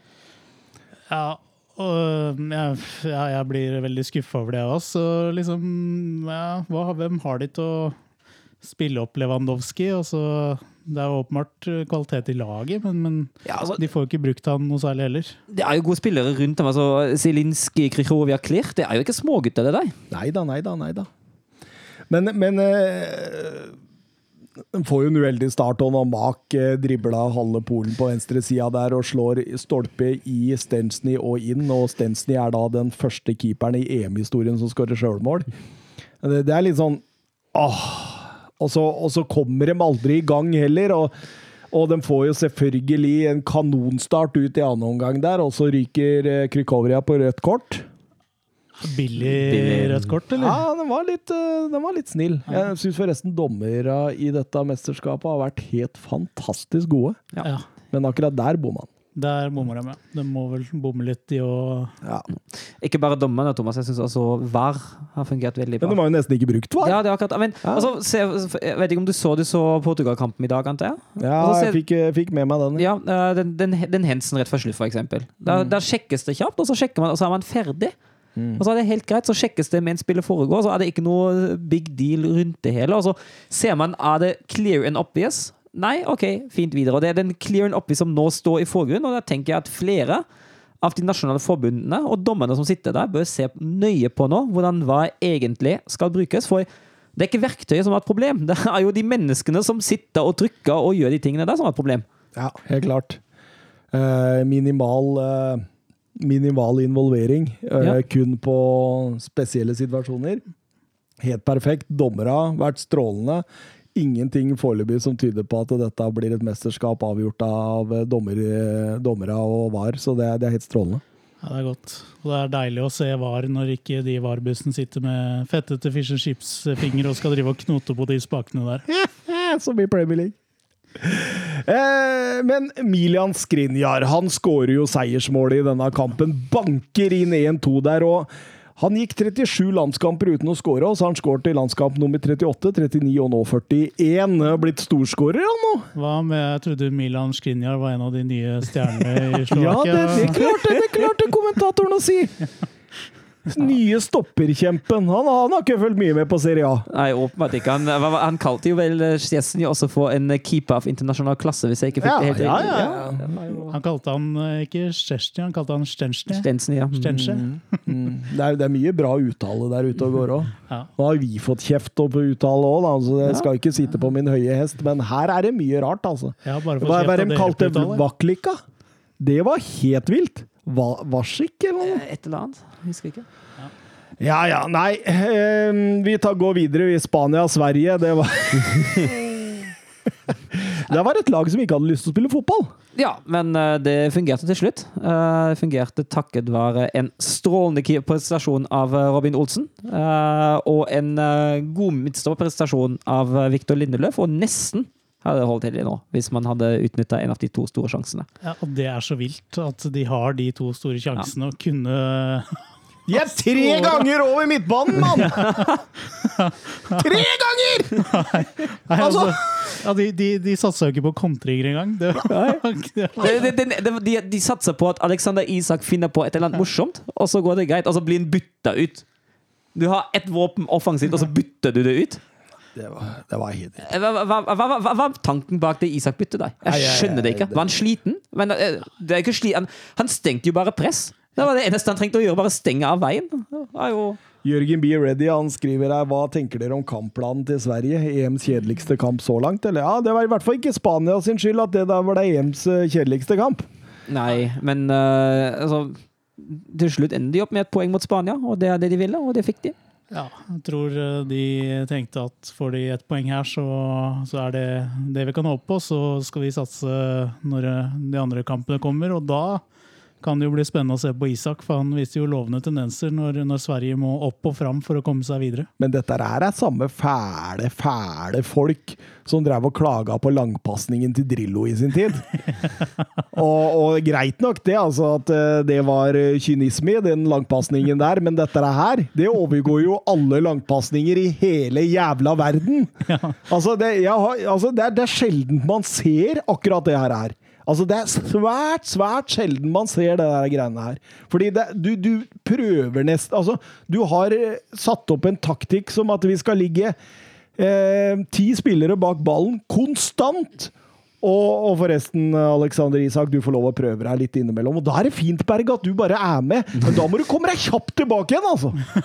Og, det, og Spania spiller og spiller, og jeg så pasninger i første omgang. Laporte har 62. Pau Torres har 61, og Alba har 60. Sverige har 59. Ja, det var vel også, jeg tror, jeg tror til slutt var det vel eh, fire eller fem spanjoler som endte opp med flere pasninger enn hele det svenske, det svenske laget. Det er helt vilt. Ja, for de klarte jo ikke å sende pasninger en stund der heller. De, de, de var um, Ja, nei, de, de ble overkjørt. Altså, de Spania hadde 419 pasninger i første omgang. Det er det høyeste man har sett i en første omgang siden man begynte å samle sånne tall i EM på 1980-tallet. Til sammenligning hadde Finland, som ble overkjørt av Danmark i første omgang, hadde 192 pasninger. 192, ja. Mot Sveriges 59. Ja, ja, ja. Nei, det Oi, oi, oi. Her ryker studioet. Nå, nå. Nå Det er godt, godt vi snart skal flytte. på tide å rive ned. Begynte å rive studio allerede her. Ja, nei, jeg satt og så et bein som brakk seg og blir litt i panikk. Så tar bare Søren Handleklaff som er og røsker taken, så vi fikk eh, mikken i, i nesa der. Ja, men Søren er en handlingens, handlingens mann, han. Handlekraftig. Ja, handlekraftig tysker, vet du. Eh, fra Wolfsburg i hele pakka. Fra Autostrada-byen Ja. i, ja, i Schengen Nei, Schengen Hva heter det der området? Prøysen? Nei. Niedersachsen. Niedersachsen er det! Niedersachsen. Der, eh, der skal vi ned og spille, se på fotball snart. Åh, når det du opp det, igjen. det gleder meg. Det blir gøy. På 90, Volkswagen Arena. 90 minutter on tour. Da må vi skaffe oss sånne T-skjorter og sånt. Ja. Veghorst uh, Veghorst-drakter, eller? Ja, det må jo nesten bli det. Ja, skal jeg Nei, altså, jeg, Men jeg vil ha en Brooks-drakt. jeg er nesten keen på en uh, enten Lacroix eller Baco. Men, men, men hvis jeg hadde gått i supportersjappa i Wolfsburg og så hadde jeg bedt om en Julian Draxler-drakt Oh, altså, nei, Jeg vet ikke om de har printa det navnet der på, på trøya bak, men uh, jeg hadde ikke stått med den drakta i. Nei da, det går helt fint. Så lenge du står med Wolfsburg-drakt på, den helt fint. hadde fått juling. Nei, det tror jeg ikke. Det tror jeg ikke. Jeg tror jeg har hørt om én kar som har fått eh, juling i, uh, i Wolfsburg-fanblokk, og det var han, eh, han som dukka opp eh, til Wolfsburgs nedrykkskamp i 2006 mot Kaiserslautern i Eintracht Braunschweig-trøye. Det var lite populært. Han ba om det. Men eh, som, regel, som regel går Altså, jeg har hørt historie fra en Mainz-supporter, med en liten avsporing, men uh, i Mainz var det åpenbart sånn, jeg vet ikke om det fortsatt sånn, at du bare fikk eh, billetter til hjemmeområdet hvis du var fra byen eller nærmere, nærmere området, og han var ikke der. Og han ville se kamp, eh, og de spilte mot Wolfsburg. Og da han skrev faktisk brev til, til avisen i Wolfsburg at siden jeg var mot Wolfsburg, kjøpte jeg billetter til bortesupporterne, og så sto jeg der som Mainz-supporter med Mainz-sjef, Mainz-drakt og hele pakka. Og så var det 150 menn som kom fra Wolfsburg, og vi hadde det så gøy. Vi sang og feira og hadde det hyggelig. Og jeg ser, jeg ser på TV-bildet bare ta en sånn eh, bolognese gjennom, eh, gjennom blokka mi. Han, han Mainz han helt foran, og var, han sa han hadde ikke gjort det mot noen andre lag, altså. Men det var, det var morsomt å høre. Noen år siden nå, da. Men Jeg har vært eh, Jeg har eh, vært eh, på Emirates, jeg. Gått ut derfra i Tottenham-drakt etter en nydelig seier og vært strålende fornøyd. Satt meg på nærmeste pub.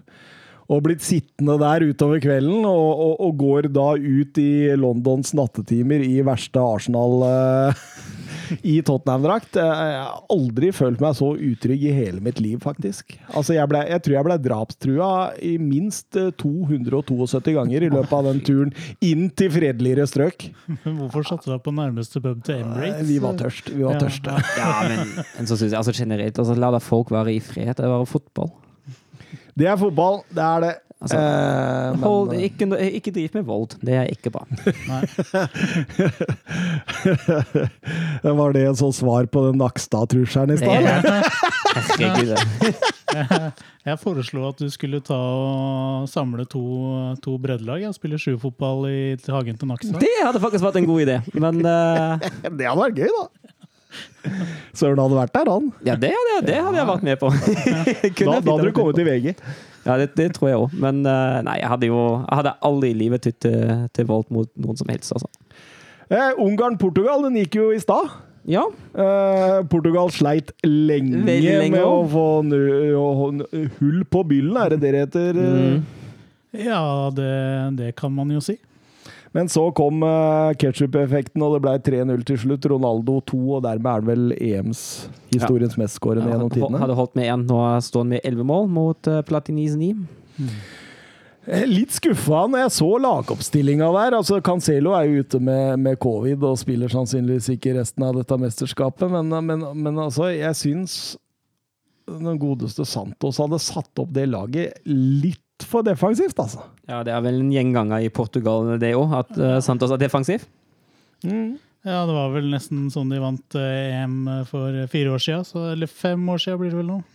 Sitter med dette her, og, og, og du, du gleder deg til å se stjernespillere bare kose seg i, i frie roller, og så og altså, Den du blir mest imponert over, er liksom Danilo på defensiv midt, liksom. Og, det, det, nei, og, og Carvalho. Det er en Ja, altså, altså ser du jo også på, på bytte Altså leder 2-0 mot Ungarn. Jeg har spilt 87 minutter, og så bytter ut Bono Fernandes. Og så Ja. kommer det inn Joao Moutinho. Ja, ikke sant. Altså Ja. ja. Altså, du har Ronaldo, Jota, Fernandes og Bernardo Silva. Fire der oppe. Slipp de fri, og la oss eh, få, få se de i full blomst. Men eh, jeg er spent på om det skjer når de ikke de gjør det mot eh, Ungarn. Men det er vel en treningskamp for de å regne fram mot de neste kampene de skal ha. Ungarn var bedre enn jeg trodde de skulle være. Altså. Uten Saboslai også, så syns jeg de holdt bra stand. Ja, jeg altså. syns jo Salah gikk foran som en kaptein på topp da òg. Mm. Ja, ja, han kjempa og sloss, og Nagi på midten der var bra. Og. Men de får jo drahjelp av fullsatte tribuner sånn energimessig. Det var deilig å høre på. Ja, veldig deilig. Og ikke bare sånne fullvaksinerte 65 år pluss som man så på kampen i går. Det var eh, ordentlig trøkk på tribunene. Har litt bismak da med tanke på at uh, fins korona også i Ungarn. Det var jo null avstand. Det har jo litt bismak av det, det må jo innrømmes, selv om det høres, det høres jo deilig ut for alle. De, de det. tar ikke hensyn til det, dette. Nei, det har jo han Viktor Orban. Han, eh, han er jo nesten på nivå med han Bolsonaro. Ja. I dag forbød vel at man, eh, at man kan eh, fremme homofili, så jeg tror regnbueflagget i prinsippet er forbudt i Ungarn nå. Ja, det er vel, vinner vel valget har med sånn 90% av stemmene og sånn der borte nå, så, Ja, altså det, er, det er langt, langt, langt, langt borte i, i det høyre hjørnet. så det var politikkpodden for uh, Ja, i men det, det, vi, er, vi er glad i å skli litt ut i politikken innimellom. Det, det, det, det er bare å kjøre på. Eh, jeg er imponert at dere kan så mye om eh, ungarsk politikk. Nei, han, han Orban han har jo sittet, sittet en stund, og han er jo, er jo ganske gæren, han. Så ikke bra. Ja ja, men eh, det var jo grei start, og nå, as we speak, så spiller Frankrike-Tyskland, og det er ingen som får lov å si til meg, for den skal jeg kose meg med i kveld. Det kan du bare få i dykk av tysk. Så, jeg vet ikke hva stillingen er også, men eh, Jeg veit hva han er, men jeg skal ikke si det. Nei, det er godt, det er godt. Eh, noen Twitter-spørsmål før vi går over til transfers her. Eh, Sandra HJ på Twitter spør hvilket lag har imponert dere mest i EM til nå. Med tanke på motstanden må det jo bli Italia. Jeg syns jo Belgia så bra ut i år, for all del, men den motstanden var jo såpass svak at eh, det tar jeg med en uh, klype salt. Eh, Italia så veldig bra ut. Og det er jo umulig å ikke nevne Danmark, ikke om du så mye med, med tanke på det sportslige, men eh, Danmark må med her. Jeg vil ha England inn der òg, jeg. Det er knapt nok en målsjanse på, på Kroatia der, og de 25, 20 første minutta der er noe Det er, det er et spinnvilt, det de leverer. Ja, definitivt. Eh, Det, jeg tenkte umiddelbart eh, Italia og England, eh, som, som man hadde høye forventninger til, men som også så til de grader har levert i, i første kamp. Da. Ja, altså, altså Kroatia er et ganske mye bedre lag sånn fra, fra bunnen av enn det, det Kroatia er, Nei, for det Tyrkia er. Så Og de, de har jo knapt nok sjanser, Kroatia der, så jeg syns det er strålende. jeg. Jeg er meget imponert, og det blir spennende å se videre her nå. Eh, Jørn Henland han spør hva bør banens beste i EM-kampene få? En lokal kuriositet? eh, En eh, kjedelig standardgreie som i Premier League, eller noe annet? Har dere noe forslag? Ja, Lokal kuriositet syns jeg er veldig spennende ut. Det er jo et godt forslag. At man, Særlig nå som man har Europa altså Europa-EM og så turneringen spredt over hele, synes jeg det er jo kjempebra. Når man er banens beste i Spania, får man et eller annet typisk fra Sevilla. Når man er banens beste i, eh, i Ungarn, får man et eller annet typisk fra Budapest. Det er morsomt. Ja, jeg sjekket, jeg tok og gjorde litt research jeg, når jeg visste at Ah, jeg skulle hit. Så sjekka hva som liksom uh, kunne være alternativer. Da, og jeg fant ut at Martin Ødegaard han vant en eh, fisk i Real Sociedad. Fisk! Det er, det er godt. eh, Den, den havner høyt på min liste nå, kjenner jeg. Var det, var det i Sociedad? Altså i San Sebastian? Ja, det var i San Sebastian, fra en eller annen sånn eh, veldig bra lokal fiske, ja. fiskesjappe der. Så, så fant jeg også ut at eh, en eller annen Holompo, eh, ikke spør om årstallet, men jeg antar det ikke var så lenge siden, han fikk eh, i Sør-Afrika eh, fem gigabyte med data på mobilen. Ja, den er også fin! Den er, ja. Ja, ja. Med rollover. Oh. Men uh, i Afrika er de gode på bestemannspremier. Det er i Zimbabwe, toppligaen der, så, og ikke spør om årstallet eller hvilken spiller. Man har vant 24 flasker øl. Åh, deilig. I Ghana vinner man et par sandaler. Og i Botswana vant man en bøtte med dagligvarer. Men den beste, som, eh, som er min absolutt favoritt, og som jeg foreslår, det er det Gornik Sabre, som jeg tror vi snakka om sist gang jeg var her. Eh, De har, de, der fikk bestemannen eh, en levende kylling i bur. Den er herlig! Den er herlig. Så, så, så her, her har vi all mulig makt til å bestemme forskjellige ting, altså. Ja, det ser sånn ut. Ja. En grevling i bur kan det være noe. Jo jeg tenker Hvis vi blander da Søren sitt forslag med så et eller annet lokalt dyr da, i Ja, bur ja. I så bur. Det er kanskje ikke sånn at vi, vi får kanskje dyrevernerne på nakken som foreslår det her, men Så hvis det hadde vært i Pamplona, liksom, så hadde det vært okser, så hadde du fått en okse i, eh, i bur. det kan bli litt utfordrende å frakte hjem, da. ja, men vi har råd til en, en, en, eh, kassebil. Det er da du ikke vil stå der i rød drakt, vet du. Nei, det er fint, det er fint. Mye, mye bra forslag. Jeg, eh, jeg Altså, jeg Jeg syns jo Kan man gjøre det så enkelt som en champagne? Med liksom datoen og, og klubben og, og laga som spilte og liksom Er det kjedelig? Nei, jeg syns jo egentlig det er en god idé. Ja. Ja, det, jeg tror ikke, det, det trenger ikke være noe svært. Jeg husker i Tippeligaen for mange år siden, så vant man var mobiler, så Lanzinho hadde vel en 10-12 mobiler etter Ja, en sesong der. Og det, det er klart at det, det er noe du har bruk for, da, men jeg Kan tenker, selge på Finn? ja. Ja, ja, ja. Ja. Hørte du Soro han der på Luksusfellen her for en stund siden? Da lo jeg. Han, hadde, han trodde han hadde funnet opp kruttet, han, vet du. For han, eh, han eh, dro inn på for eksempel på Elkjøp, da. Og så kjøpte han, eh, hvis han hadde lyst på en Xbox, så kjøpte han to av eh, på avbetaling. Og så solgte han den ene på Finn, for da fikk han jo, eh, da fikk han jo uh, reine penger. Å, herregud. Ja, å, men det var også et forslag jeg så. Det var en som vant eh, kredittkort. Det var også i Afrika, tror jeg. Jeg husker ikke landet. Å, Så han vant kredittkort med 100 i kreditt. Men da måtte han liksom betale renter. Rentene på det der er ufyselig. ja, vet du, i de, I de lavere ligaene i Norge vinner de jo gjerne uh, Bands beste for hjemmelaget vinner jo gjerne gavekort på et eller annet senter på forskjellige beløp. Så jeg tror Ja. faktisk hans beste i Strømmen vinner, vinner gavekort på Strømmen storsenter. vi gjør det, ja. Jeg tror det. Vi sitter jo og ser på Strømmen storsenter her. Vakker og, og ven ligger den. Eh, men ja, nei, det, det er mye gode forslag her nå. En, eh, det som alltid faller tilbake i hodet mitt nå, det er fisk. Gi dem en fisk! Mats Granvold burde hatt en kalkulator, men det er nok om det. Ja, kanskje man burde hatt et sånn eh, premiebord man kunne velge av som ja. Ja, det er et godt forslag. Koltbordenes eh, Man of the Match-premie. Ja, så har du, har du, har du jeg Hvis du har 19 hjemmekamper, 19 premier, og den som eh, kommer først, velger først. Og så står han der hele sesongen. ja. Det er, det er mye nydelige forslag til Jørn Henland der. Um, Nisselue på på Twitter, han skriver Han har fått mye tyn på Twitter, han.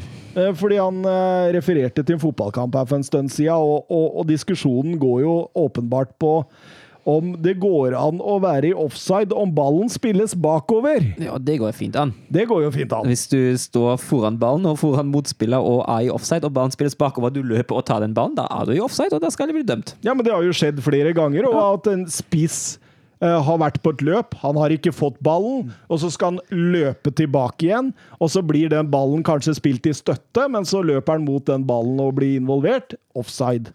Ja. Eh, men hvorfor får han tyn for dette? Jeg veit ikke. Det var, vel, var det noe med den situasjonen som blir brukt? Var det ikke den Spania-kampen mot, uh, mot Sverige nå? Der det, der det kom en kommentar på at eh, når en, løper, når en ball blir spilt bakover, kan det ikke være offside. Og i den, akkurat den situasjonen, da var det ikke offside.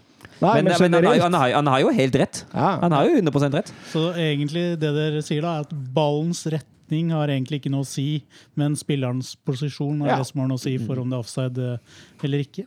Helt riktig. Helt riktig. Det, er, det har alt å si, egentlig. Ja, Det er jo en uh, liten morsom fun fact der, at i, da fotballen var helt ung, fotballen ble jo utvikla fra rugby, da var det ikke lov å sparke ballen framover. Det blir endra rimelig fort, men eh, i fotballen i, i, helt i startfasen var fotballen et spill der, der man spilte ballen til en spiller, og så løp han fram med ballen, og så måtte han spille den enten bak inn, eller så miste han. Eller så måtte han komme seg forbi. Så det han. er det han der ah, svenske treneren har tenkt på. Han er, han er fortsatt der, han! Ja, litt også den eh, han som har drevet utvikling av Martin Ødegaard de siste åra, jeg. Han nå er der. Aldri spill den framover, Martin. Det, det er ikke lov. Eh, over til rykter, transfers og overganger. Det er vi jo glad Det i. er gøy. Åh, vi har fått noen bekrefta siden forrige gang. Kjør. Emi Buendia. Denne nydelige mm, offensive midtbanespilleren i Norwich som hadde 15 mål og 17 assist i forrige sesong.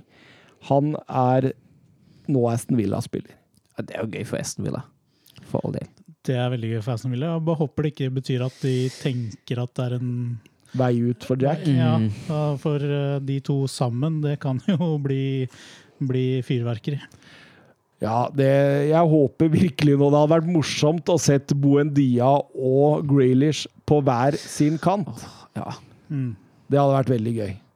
Så får vi se, se om det lar seg gjøre, om Jack Grealish. Nå kommer det mye stygge rykter om ham og sånt, men eh, det kan vi ta i ryktebørsen. Nå er vi på bekrefta overganger. Ja, kan jo også si det at jeg syns Villa imponerer ved å ut, altså Vi har virkelig, vi har snakka for to sesonger siden, eller mot slutten av forrige sesong, satt vi, satt vi har snakka om enmannsangrepet Jack Wheelers. Og nå bygger de virkelig angrepet at man har flere og flere strenger å spille på. Så ja, godt jobba. De bygger klubb. De bygger klubb, det. og de bygger lurt. Mm. Og de har en av Englands eh, mest spennende talenter der baki, og han er Chukwuema. Og det er, det er voldsomt mye bra som skjer der, da. Eh, se det når de henta Watkins, hvordan han har glidd inn. Ja. Uh, du har McGinn der, motoren på midtbanen der. De har vel sikkert skjønt at Barkley han er ikke noe å satse på, så han låner vi ikke noe lenger. Eh, Henta ut noen spennende kantspillere der. Grealish håper han blir. Det har vært moro. Mings og Konsa som er strålende på stoppeplass, og ikke minst så tok de jo den beste keeperen i Arsenal også. Så det er jo det er, Ja, men det er, det, det er strålende, det som skjer der. Ja, Ja, og veldig, veldig gøy. Kan bli gøy å følge de neste sesong, i hvert fall. Absolutt, absolutt. Um, Pedrinho har gått til Shakhtar fra Benfica for 18 millioner. En sånn kantspiller som ble henta bare for én sesong fra Corintias, og, og har gjort det svakt i, eh, i, um, i flamenco. Så det blir spennende å se. Litt sånn som han Marlos, eller han der Ja, litt, litt, litt, litt, litt sånn type, tror jeg. Så det blir, det blir veldig spennende å se. Fikk bare 19 matcher der og hadde null mål og null assist. Oi, det er svakt. Um, ellers Suat Serdar har gått. Til Hertha BSC, ja. Ja. Og det er jo en eh, suveren overgang for Hertha, tenker jeg. Det er god styrkning av den sentrale midtbanen. Åtte millioner, bare han ikke blir, fortsetter å få de skadene sine. Så. Ja, det er litt det. Men uh, godt jobba av Hertha Berlin der. Johan Foyt han uh, skrev permanent under for uh, Real Ja, 15 millioner fra Tottenham. Ja. hva tenker du, du som er Tottenham-mann? Jeg tror han hadde passa litt i det som kan bli en Fonseca-æra nå. Så eh, det, det- Nei, eh, litt sånn blanda følelser har jeg. Litt blanda følelser. Og driver søren og ommøblerer her igjen. Handlekraftens Kom så eh, mye myggen. Kom det mye mygg? Ja, to Ja. inne nå. Ja. Ja. Ei, ei, og hva, hva tenker du om mygg? Nei, jeg liker dem ikke. Nei? Hater dem? Vet du hva? Med mykk kan jeg med hele mitt hjerte si at jeg hater dem. Det er helt greit. Mykk hater jeg. Ja. Du har så mye hat i deg, Søren. Kan trøste deg med at jeg har håndhils på alle før de møtte deg eh, på vei inn her. Så um, uh, jo, Gerson har gått fra Flamengo til Marseille for 20 millioner euro. Det er en morsom type. En sånn, husker du han var i Roma? Ja. Mislykkes fullstendig Å, der. Ja, det er han, ja. Ja, ja. Ja. Nå er han tilbake i Europa og Marseille, 20 millioner euro. Eh, spennende å se åssen han vil gli inn i den franske noe Ja, hva kan du si? Den klubben der den har jo sine issues. ja. Det er sånn Bajoli som er trener der. eh, Ja, han blei vel det nå her. Så Tok vel over for en godeste André Viasboa som bare trakk seg i fullt raseri. ja, det er en kaosklubb uten like. Absolutt. Eh, Naldum har jo gått. Mm. Mange Ja. trodde Barca, det blei PSG. Det blei eh, Det kom noen penger på bordet som jeg tror det er vanskelig for enhver å si nei til. Men jeg tenker jo det er det PSG trenger. Det er litt ja. Er du så nervøs på mygg, Nei, jeg er ikke nervøs. Jeg er bare spør, spent på hva du Ja, han skulle klarer gjøre. nå. ikke å prate når det er mygg i nærheten! Det, var bra han ikke Nei, men jeg er enig, jeg er enig i at uh, Vinaldum er litt sånn uh, Kan bli litt sånn bindelett da, mellom, uh, mellom de defensive og offensive. Og det er kanskje litt av det skottet for, eh, for PSG, sentralt på midtbanen. Ja. Nå beit den faktisk, denne myggen. Ah. Kjente det bora seg inn i håndleddet der. Blir en fast spalte. Myggspesial. Ja, ikke slitt med det før her. Nei, men eh, i dag I dag var det myggens dag. Myggens dag, myggens dag. Um, rykter. Hakraf Hakimi. Lenge vært rykta til PSG. Nå virker Chelsea nærmest. Ja, spennende, det. Det er jo De har jo, de har jo allerede uh, gode muligheter på wingback på høyre, da. De har bare en Reece James og en Callum Hudson O'Doy og en Men jeg syns alle som er dyre og gode, er linka til Chelsea om dagen. Ja. Så de har eh, tydeligvis eh, penger å, og splæsje ut. Ja, altså, altså, hva skal, altså Det skal jo også sies at man eh, innimellom har gjerne sånn at agenter gjerne setter opp et rykte for å gjøre sin klient enda mer verdifull. Og en Champions League-vinner er, jo- er jo et fint rykte å, å strø. Det er det ingen tvil om. Eh, sies at eh, Inter er mest åpne for å forhandle med Chelsea, fordi de ønsker eh, Emerson og Andreas Christensen. Okay. Så de håper kanskje at de kan gjøre en deal der. Eh, Liverpool jakter jo eh, Vinaldum-erstatter. Eh, Florian Neuhaus skal være siste på lista. De har jo tidligere også vært linka til Tilemanns. Hvem ville du hatt mest i Liverpool? Um, Tilemanns har jo Premier League-erfaring, så det er klart, og en god spiller. Men jeg syns jo Florian Neuhaus eh, erstatter eh, veldig mye av det Veinaldum er god på. Da. Eh, Så, så, og en spennende, spennende spiller som er vant til å spille klopsk fotball. Så, så jeg tror jeg stemmer for Florian Neuhaus. Ja. Oi, oi, oi. Det er, det er, det er risky Ja. Jeg tenker jo også at Tielemanns er en stående fotballspiller. Jeg skjønner veldig godt, eh, skjønner veldig godt hva du mener, fordi Neuhaus er jo, har jo en lignende spillestil som Wijnaldum. Har jo lignende spilletype, uh, lignende styrker. Uh, og absolutt en spennende spiller. Jeg vil kanskje si at, Wijnal- eh, nei, at uh, tidligere har jo kanskje kommet litt lenger i utviklinga si enn uh, en det Nøye har. Men uh, Hvor gammel er han, søren? Nøyhaus han er vel eh, 24 nå, hvis jeg ikke tar feil. 24, ja. ja. Men eh, det kan jeg dobbeltsjekke. Men jeg mener at han er, han er ikke noe særlig eldre enn det. Og jeg har jo uttalt eh, om, uh, om Neuhaus at jeg ikke syns at eh, Han er 24 nå. At han ikke er noe dårligere enn det Leon Goretzka var da han gikk til, til Bayern fra Schalke. Og det står jeg ved. Jeg mener at Men han, eh, han må jo ha utvikla seg noe voldsomt de siste par sesongene. For jeg Ja. husker jo Vi drev jo og snakka om at han er litt Harry Winks. mm, Ja, og det er han definitivt ikke. Han har Nei, han har jo utvikla seg. Han har utvikla seg altså, Mens Winks har utvikla seg negativt, så har vel han utvikla seg positivt. da. Ja, han har det. Definitivt. Han hadde godt av uh, Marco Rose i Mönchenglattberg, i hvert fall. Men eh, Bayern München er også interessert, eller? Ja, øh, de, jeg har ikke lest noen brennaktuelle rykter rundt øh, det, men jeg vet at Bayern har vært interessert i Neuhaus. Vandal på Twitter, twi- Twitter Ikke Twitter, Twitter. Hva er sjansen for at eh, Borussia München Gladbach selger både Nei, Borussia Dortmund selger både Braut og Sancho i samme vindu? Den tror jeg er ganske liten. Uh, hvis det skjer, da skjer det i hvert fall Haaland skjer fullstendig på Dortmunds premisser. Uh, de kommer til å være like knallharde som de var med Jaden Sancho i fjor. Uh, det vil si at uh, de setter pris. De setter siste dato for mulig salg, og hvis ingen klubber innfrir det, da blir Erling Braut Haaland i Dortmund. Jeg òg tenker det samme. Det virker uh, usannsynlig å selge to så viktige spillere for laget. I hvert fall ikke som meg bekjent, så er ikke Dortmund i noen finansiell krise eller noe sånt, så de, de har vel råd til å, å sitte på en av dem, eller begge. Ja, Sork sa jo også uh, at de har en gentleman's agreement med Jaden Sancho. At uh, denne sommeren uh, kan han få lov å gå hvis det kommer en, et adekvat tilbud. Da er det greit. Da kommer ikke klubben til å signe på det. Men han påpekte også at den, en sånn avtale har vi ikke med Erling Beit Haaland. Men hvor nære er Sancho United nå, veit du det? Nei. Det ryktes jo at eh, Dortmund vil ha rundt er 90 millioner euro. eh, og at eh, Sancho United skal vel være enige, var det siste jeg leste nå. Og at det eneste som gjenstår, er Dortmund og United er enige. Så jeg vedder ikke mot Mats i år at den ikke går. Nei, det blir spennende. det blir spennende. Kunne du vedda med Mats om at Haaland går, da? Ja, jeg kan vedde på at Haaland ikke går, ut ifra det ser ut nå. Det hadde jeg, det hadde jeg gjort. Men han uh, har jo fått seg en ny agent nå, så Ja, jeg så dette. Riyad Mares. Så de drev og festa sammen der, og Riyad Mahrez eh, proklamerte seg sjøl som agent Ja. Mares. Ja, men altså, City er jo en av de klubbene som, hvis de virkelig vil ha Erling Braut Haaland, de kan jo fort ende opp med å betale akkurat det Dortmund vil, og da kan det jo godt tenkes at, uh, at det blir noe av likevel. Men uh, som sagt, det skjer, i, i så fall skjer det fullstendig på Dortmunds premisser. Ja, han har jo en enorm markedsverdi om dagen, så, så for en klubb som vil, eh, vil ha litt føss og bøss, så, så er det vel spilleren de enten sier de ønsker, eller prøver å kjøpe.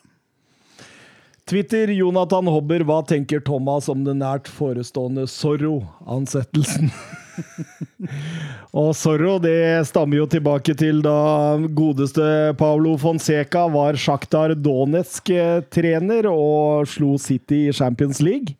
Og dukket opp på pressekonferansen i Zorro-maske etterpå. Var eh, meget breial. Eh, artig type. Oven, åpenbart da, så er det jo en eh, Paratisi-signering. Altså den italienske sportsdirektøren som var med og bygde opp Juventus i sin tid, har jo blitt henta nå av Levi til å dra i trådene.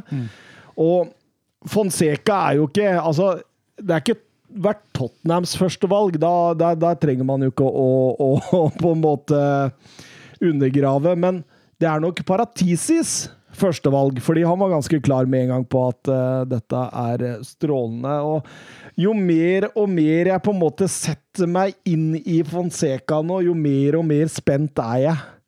Fordi han fikk jo bare to år i Roma.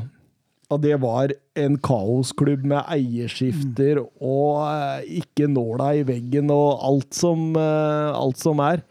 Eh, og spilte tidvis glimrende fotball med de. Eh, offensiv, morsom fotball. Eh, Sjaktar eh, Der tar han jo tre av tre seriemesterskap, og, og det, det, er så, det er som å trene Rosenborg i Norge, tenker jeg. Eh, Selv om ingen klarer å vinne ligaen med Rosenborg lenger. Men, men, eh, men jeg, jeg begynner å bli sånn forsiktig optimist eh, for, for Fonseca. Men hadde Er det ikke litt nedtur, da? Med tanke på at man ville ha Ragnhild, man ville ha Conte, og så blir det Fonseca? Med tanke på de navnene som kom? Men, men, men, Er det litt skuffelse, kanskje? eh, men jeg tror i så fall det er det som gjør at man er skuffa over denne signeringa. At man har hørt om Nagelsmann, Flick, Conte. Og eh, det er nesten sånn at Klopp og Guardiola Ja. har blitt linka. ikke sant? Og da, da blir jo den på en måte Når du da må ned én hylle Ja. men, men jeg tenker jo også at det er, eh, det er, det er spennende. Det er jo en trener som Altså eh, Det går jo historier om at når han eh, kom til Roma, så, så var det en spiller i Roma som sa i et halvt år så er han i Real Madrid. Fordi eh, han får mye gode skussmål. Det Skal sies at han krangla med Edin Seko i Roma, og det var Oi, oi, oi. Ok. Nei, da Men jeg tror det er sunt da for Tottenham. eh, Altså, det er klart de er store navn eh, som blir nevnt med Conte og Nagelsmann og Flick og sånne ting, men jeg tror det er sunt for at sportsdirektøren får mulighet til å sette fingeren sin på, på den ansettelsen eh, når han kommer inn sånn. For jeg ser for meg at det, det legger iallfall grobunn for et bedre samarbeidsklima da, enn å bare ta over en trener som har blitt ansatt. Så jeg kan jo se for meg at Conte ikke alltid er den enkleste å samarbeide med. Nei, nei, absolutt ikke. Og jeg, te jeg tenker jo også og Paratisi, da, som kjenner italiensk fotball så godt, er så klar på hvem han vil ha, at det er liksom Det er ikke snakk om det engang. Så tenker jeg at det er jo bare, bare det er jo spennende. Paratisi han, han, står, han er jo en av hjernene bak eh, ni seriemesterskap på rad. Så det En av hjernene, sånn at det er sagt. Eh, Petter Støvland, Paratisi, vil gjerne ha med seg Kulusevski, Bonucci og Rabiot. Hvor morsomt hadde det vært om Thomas satt med Rabiot neste sesong? jeg, jeg hadde påpekt det hver eneste Tottenham-kamp. Hver eneste! Hadde, jeg hadde kost meg masse. Jeg hadde hatt det kjempefint. Jeg hadde dødd. Hvis Rabiot kom til Tottenham, da hadde jeg dødd. Men Kulisevskij Kulusevski har vært fint. Ja, Kulusevski har vært fint, og eh, rutina til Bonucci òg hadde Ja. ikke vært å forakte, tror jeg, baki der. Nei da. Men uh, denne Rabiot, han eh, Jeg kunne gjerne sett uh, dem hadde gått andre veier. Ja, han, han starta visstnok for Frankrike i dag på tirsdag. Ja. Da tapte Frankrike, da. Nei da, så, så ille er han ikke, men det er jo en kranglefant. Og han har vel mora si som agent, og hun mora stikker jo nesa si i alt. Og han er åpenbart for god til å være i Paris Saint-Germain, og nei jeg, jeg, Sånne spillere blir jeg så utrolig skeptisk til. Hva hva trodde du var sånn evig fan av Berit uh, Riise og Jon Arne Riise? Eh, Berit Riise har jeg ikke noe imot med Jon Arne Riise der Nei da, jeg skal ikke, skal ikke si noe. Jon Arne Riise har jo Han har i hvert fall hatt en god Liverpool-karriere. Det har han, men jeg- tenker det er sånn regel, uh, burde vært hovedregel. Ikke ha mora di eller kona di som agent. Uh, hei, Maurizio Icardi og Blir gjerne litt crazy ut av det, ja. Det er eh, det der. oh, oh. Ikke Det Rabiot. fin- finnes forskjellige fedre som når de har sagt det. Generelt familiemedlemmer. Det finnes forskjellige fedre som har skapt en del trøbbel som agenter òg, altså. Ja, det stemmer, det. Ancelotti vil gjerne ha Timo Werner til Real Madrid. Hva tenker du? Nei, jeg tenker, ikke at, jeg tenker at han ikke får den. Jeg tror at uh, Timo Werner, jeg tror at Timo Werner trives i Chelsea, særlig med tysk trener nå. Jeg tror også at uh, Timo Werner har en tanke om at han skal klare å få gjennombrudd fullstendig i Premier League. Jeg tror, jeg tror ikke at det, det blir særlig aktuelt. Jeg tror heller ikke det er aktuelt for Chelsea å selge. Nei, kan ikke jeg se for meg heller. Hvor, hvorfor skulle han ville gå nå, som de har Tuchel? Ja, ikke sant. Det, er, det må jo bare gå én vei, og det er oppover. Eh, vil jeg anta det. Eh, eneste grunnen jeg ser til det, det er jo at de rydder plass til Haaland. Ja. Men da, da, da har du også der Werner en såpass fleksibel spiller at han kan spille på andre posisjoner òg. Ja.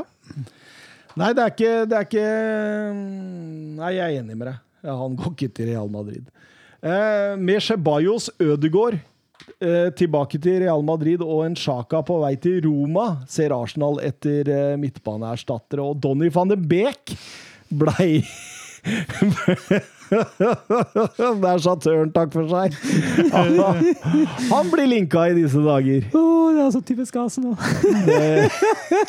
ja, god Continental League-spiller. Kjøp han Arsenal og fortsett å vinne Continental League, eller hva det heter. Conference League, ja. Conference League er det jeg tenker på. Ja, De kvalifiserte seg ikke dit engang. så. Nei, det ser du. Eh, Bruno Laget tok jo over for Nuno Spirito Santo i Wolverhampton, og nå skal det se ut som han blir den nye Everton-treneren. Hva tenker du om det? Kjempegøy. Veldig, altså jeg, synes, jeg har veldig sans for Espirito Santo. Jeg syns han er en eh, veldig decent fotballtrener. Klar filosofi. Uh, og jeg syns det er veldig fint at han blir i Premier League. Ja, altså, liksom Når du hørte det, så ble du ikke overraska. Det var liksom De kler hverandre litt, Everton og Espirito Santo.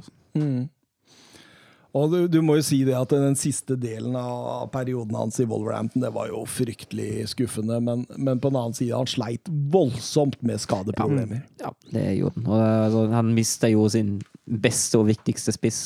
I, Men han har også blitt linka til Tottenham, og jeg er veldig glad for at han ikke ble Tottenham-trener, hvis du skjønner hva jeg det skjønner mener. jeg godt, fordi jeg føler at han er på hylla unna. Men jeg føler at han absolutt er en eh, decent Premier League-trener som fint kan trene, trene et lag på over halvdel. Og så føler jeg at Fonseca da vil bli mye mer spennende. Ja, At, at tak, taket er- blir heva litt. Ja, enig med deg. definitivt. Så kan det godt hende at kjelleren også blir senka litt, da. Men, Ja, det kan nok Ja, fordi, fordi vi spør sånn at du vet hva du får. Det er solid, ja. det er solid og det er greit. Og det er, det er liksom det. akkurat som Mark van Bommel. Ja, det, det håper det, jeg, vet, vet Jeg er ikke så sikker på at det er det engang, min! Det er det jeg sliter med. Har du senka kjelleren, er det det du sier? jeg, tror, altså, jeg, jeg, fikk jo litt, eh, litt bakoversveis uh, da jeg eh, leste om alt det stå høyt Peter Bosch-style med forsvarsrekka, og åh, nei. Jeg får se hvordan det går. Jeg får- jeg er spent på de første treningskampene, hvor, hvilke, hvilke taktiske knep han tar. Men åh, jeg gruer meg. Jeg tror ikke det blir suksess. Altså. Når jeg sier Mark van Bommelen til deg, hva tenker du da, Tor Kjetil? Da tenker jeg et eh, traust midtbanespiller Nederland. Ja. Eh, så, som forholdsvis god, men det er ikke noe spennende. Men, men litt også litt sånn der at du hata han litt? Var litt ufyselig? Ja, jeg hadde ikke så sterkt forhold til van Bommel, eh, egentlig, men Ja, for han var jo en kriger som Han ble var en skikkelig kriger. Ja. Ja, han var det. Men uh... Du ler ikke når han og Nigel de Jong eh, står på, mi- står Nei, definitivt ikke. Men jeg hater ingen som, som er litt så du, du, du er litt annerledes Ja. Søren? Du er full av kjærlighet? Ja, Ja. Ja, jeg òg. det er jeg jo! ja, men det er jo Det er godt du prøver å overbevise deg sjøl, Søren. eh, videre, Mosa Sissoko, Tottenham-midtbanespilleren, skal ifølge Sky Sports Italia være på vei til Napoli. Da sier jeg bare god kveld. Ja, men eh, skulle ikke Torsby til Napoli òg? Har vi rykter rundt det? Ja. Torsby, altså Morten. Ja. Ja. Det er jo Hvem- andre Torsby er det vi kunne snakke om Jeg her? tenkte først, at, Sturla Torsby? jeg tenkte først eh, at han sa så, så det, for det hadde vært et spenstig ja. Ja, men Napoli trenger vel noen midtbanespillere. Mm. Og Mossa Sissoko, ja. Men, men, men man merker nesten alle Napoli-midtbanespillere som kommer til Napoli, de slår ikke gjennom helt. Det er, det er, sånn, det er nesten altså, du, du hadde han tyskeren og Diego Dem, ja. Diego Mm. Dem, og så hadde du, og så hadde du han eh, Zelenskyj har vært ganske bra, det, det skal sies, men så har du han Elif Elmas, som Ja. liksom aldri har kommet over. Det er, det, er, det er flere, det er noen som sliter litt. Mm. Det er ikke så lett den der, um, når de hadde den der Allan og um, ja. Nå får de jo ny trener, da, så får vi Ja. se. ja. Det blir jo faktisk ganske spennende. Eh, Småsexy rykte her. Leicester ser på mulighetene til å hente Filipe Coutinho samtidig som de eh, er i ferd med å sluttforhandle avtale med Lils eh, Somaré. Oi, oi, oi, oi. oi. Ja, det betyr Leicester-satsing, ass. Ja, og Coutinho og Brennan Rogers kjenner hverandre jo, så Og Coutinho har vel spilt sin beste fotball også, kanskje, under Brennan Rogers, så det, det høres ut som en overgang som kan passe begge. Tenk Ndidi og Somaré defensivt på midten der, med, med en Madison og en eh, Coutinho som styrer bak eh, spissene der. Altså, Ja. Tielemanns i tillegg, da. Men apropos god klubbdrift, eh, Leicester må jo være oppe der, de også. Hvordan de bygger lag og, og hvordan, bygger samfunn? Ja, og- ja, ja. Ja, ja. Så nei de, Hva de eierne der har gjort for byen Leicester og for samfunnet Leicester, det er helt utrolig. Ja. Skjønner at de blir båret rundt på gullstolene. Ja, og det er jo, det er sånn, det er jo et av de få kan man, må si, moteksemplene til, eh, til konflikter med eiere i Premier League. Det er jo virkelig eiere som for en gangs skyld har gjort veldig veldig mye for klubben og som du sier, samfunnet. Helt klart, helt klart. Um, ja uh, Arsenal. Eh, nå skulle jeg jo dra inn Mats. Yeah. Fordi de blir hardt linka til Anderlecht sin Albert uh, Zambi uh, Lukunga. Yeah. Og, og Mats har jo Anderlecht i europahjørnet. Men Så jeg har jo ikke sett han spille fotball. Ikke jeg heller, må jeg si. Så det, her skulle vi hatt inn Mats, altså. Men jeg, jeg så noen YouTube-videoer på han bare for å prøve å spille opp Mats, da. Og da så jeg at uh, det lille jeg kunne se, da, så så han ut som en sånn Bizoma-type fra Brighton, vet du. Og det, det kan jo stemme, for Arsenal har jo vært linka hardt til Bizoma før. så, men, men eh, her, Mats, eh, her skulle det vært. Eh, Everton på sin side ønsker å hente brasilianske kompisen til eh, Ricarlisson. Han ønsker å hente Sportings Mateus Núñez, og det er en veldig spennende spiller. Og der er jo jeg i mitt ess igjen, som har fulgt Sporting denne sesongen. En utrolig spennende, sånn teknisk eh, skolert sentral midt. Han hadde vel Jeg tror han var tre mål og to assist ja, i løpet av han, han er ikke en av de mest offensive, det overlater han til Pedro Gonzales, men han men, men, men, men litt, sånn uferdig, men potensialet er ekstremt høyt. Altså sånn nærteknikk hvor ballen sitter fast på beina hans Ja. hver gang. Ja, sånn eh, litt sånn herlig spiller å, å se på. Ja, virkelig sånn småsexy brasiliansk tekniker. tekniker. Så spennende rykte der, og hvis Everton får henta han. Mm, altså, så, så, drives Lacroix og, og Vegårst driver og blir linka bort nå. Ja, det gjør nok det. Det er ikke, det er ikke uvanlig. Man, Men, men, men nå fikk dere jo Champions League, da. Det Ja. bør jo være en eh, viss eh, Hva kan du si? En, eh, en gulrot å holde dem i klubben for. Ja, og Lacroix har jo allerede sagt at han egentlig ikke ser behovet for å gå nå. Altså det Da skal det mye til for at Lacroix går. Han er jo ganske lang kontrakt òg. Uh, samtidig, hvis Tuchel og Chelsea banker på døra Ja, men da blir det penger i kassa, så det, det var nok greit. Eh, Og Schmatke har vist at det er, to ting som er veldig framstående for Schmatke. Han eh, kan ikke hente vinger, og han er veldig flink til å hente midtstoppere. så det er greit. Eh, Vejos er det jo spørs hvem som, hvem som banker der òg. Han har jo ja, han har uttalt ønske om å spille i Premier League. Det er jo et erklært mål av ham, men igjen, Champions League Jeg tror kanskje han har lyst til å prøve seg. Han er en sånn ærgjerrig type, da. Så jeg tror jo absolutt at uh, Det får jeg si at det er så viktig at vi kommer til Champions League nå, med tanke på det overgangsvinduet, for ellers hadde overgangsvinduet blitt fryktelig kjedelig for meg. Men, men, men Veghorst Altså, og når du hører Westham, så tenker du ja, det er en god kombo, det. Ja, Ja, de, de er glad i høye Høye, sterke, brautende spisser. Ja, ja. Og når de solgte Haller til, eh, til eh, Ajax, så, så kan jeg tenke meg at de er ute etter en Kommer til å bli en hard sommer for deg òg. Kanskje begge våre spisser i våre klubber forsvinner, søren. Jeg veit vet ikke. Jeg, jeg tror, altså, med tanke på den Champions League-skiltinga, da, der tror jeg det skal mye til. Da, da må det faktisk være en bedre stilt klubb, eller han må tjene såpass mye bedre at det blir Men, men, men hva ligger lønningene på i, i Wolfsburg nå, veit du det? eller? Nei, det er vanskelig å si, altså. Blir nok ikke altså, de, Sannsynligvis ikke Westham-priser. Nei, lønningsnivået har nok gått ned uh, siden sist, men uh, er nok blant de klubbene i Bundesliga som betaler bedre, vil jeg tro. Spørs hvor mange poloer de selger. Ja. Så vet du, jo Lacroix, for eksempel, den har jo fått, uh, fått lønnsøkning etter de gode prestasjoner. Det er jo fullt fortjent. Ja, det fortjener han. Det fortjener han, ingen tvil om det. Um, det skal også ifølge altså, Sånne rykter tror jeg ikke på, men jeg ville ta, jeg ville ta dem fordi de er morsomme. Eh, fordi det, det, det kommer kom til rykte nå at Laporta, presidenten i Barcelona, han har møtt eh, Pep Guardiola eh, på en sånn uformell cupopplegg for noe aldersbestemte. Og så, og så har Guardiola da tilbudt han eh, sju spillere han kan hente fra Manchester City. Og, og to av dem var Cancelo og, og Bernardo Silva. Ja, aldri i livet. Ja, hvorfor skal han eh, sende bort de?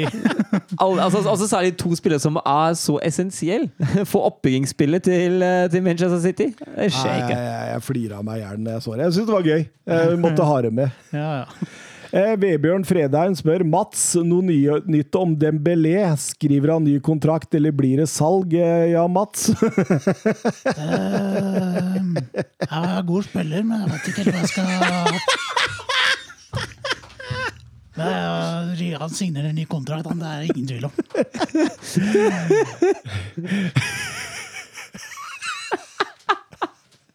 Men, men, vi spurte jo Mats før han dro her. Eh, Kan du svare Vebjørn Fredheim på dette? Og da sa han jo det at du kan være meg, du. Eh, Han kommer til å skrive ny kontrakt, selv om det har blitt vært noen rykter, sa han. Så da, da får vi anta at det stemmer, da. Mats kjenner jo til det som rører seg Da, da hører vi jo direkte fra ham, da. Ja, da hører vi jo på en måte direkte fra han. Eh, ja, Depay kan bli klar i løpet av uka, sier Fabrizio Romano til Barcelona. Ja, ikke overraskende, det. De Den har har vi gått og venta på et halvt år nå. da. ja, snusa på det lenge, og en av Komans favorittspillere. Men jeg skjønner ja, jeg skjønner jo Depay er åpenbart kvalitet, men Aguero, Messi, Griezmann, Depay Ja. Du sier noe, deg. Mye like, like typer. Ja, absolutt. Absolutt. Eh, Jeg tenker jo altså Hovedgrunnen til at Barcelona velger Depay, er jo at han er gratis. Ja, jo da. Det, Det er, det er jo der det går. ikke sant? At eh, Barcelona har- eier jo ikke nåla i veggen for tida, og, og må nærmest selge for å, for å kunne kjøpe. og da da kan jo en spiller som Depay være greit. Da. Kanskje de kan gjøre sånn som man gjorde Husker du før i tida? Når man spilte, spilte fotballmanager, eller championship manager før i tida. Så hver gang spillere gikk ut av kontrakt, så kjøpte man inn en haug, og så satte de på free transfer, og så økte man sitt. Kanskje de kan gjøre det? det? er en greie, altså? Ja, det, det.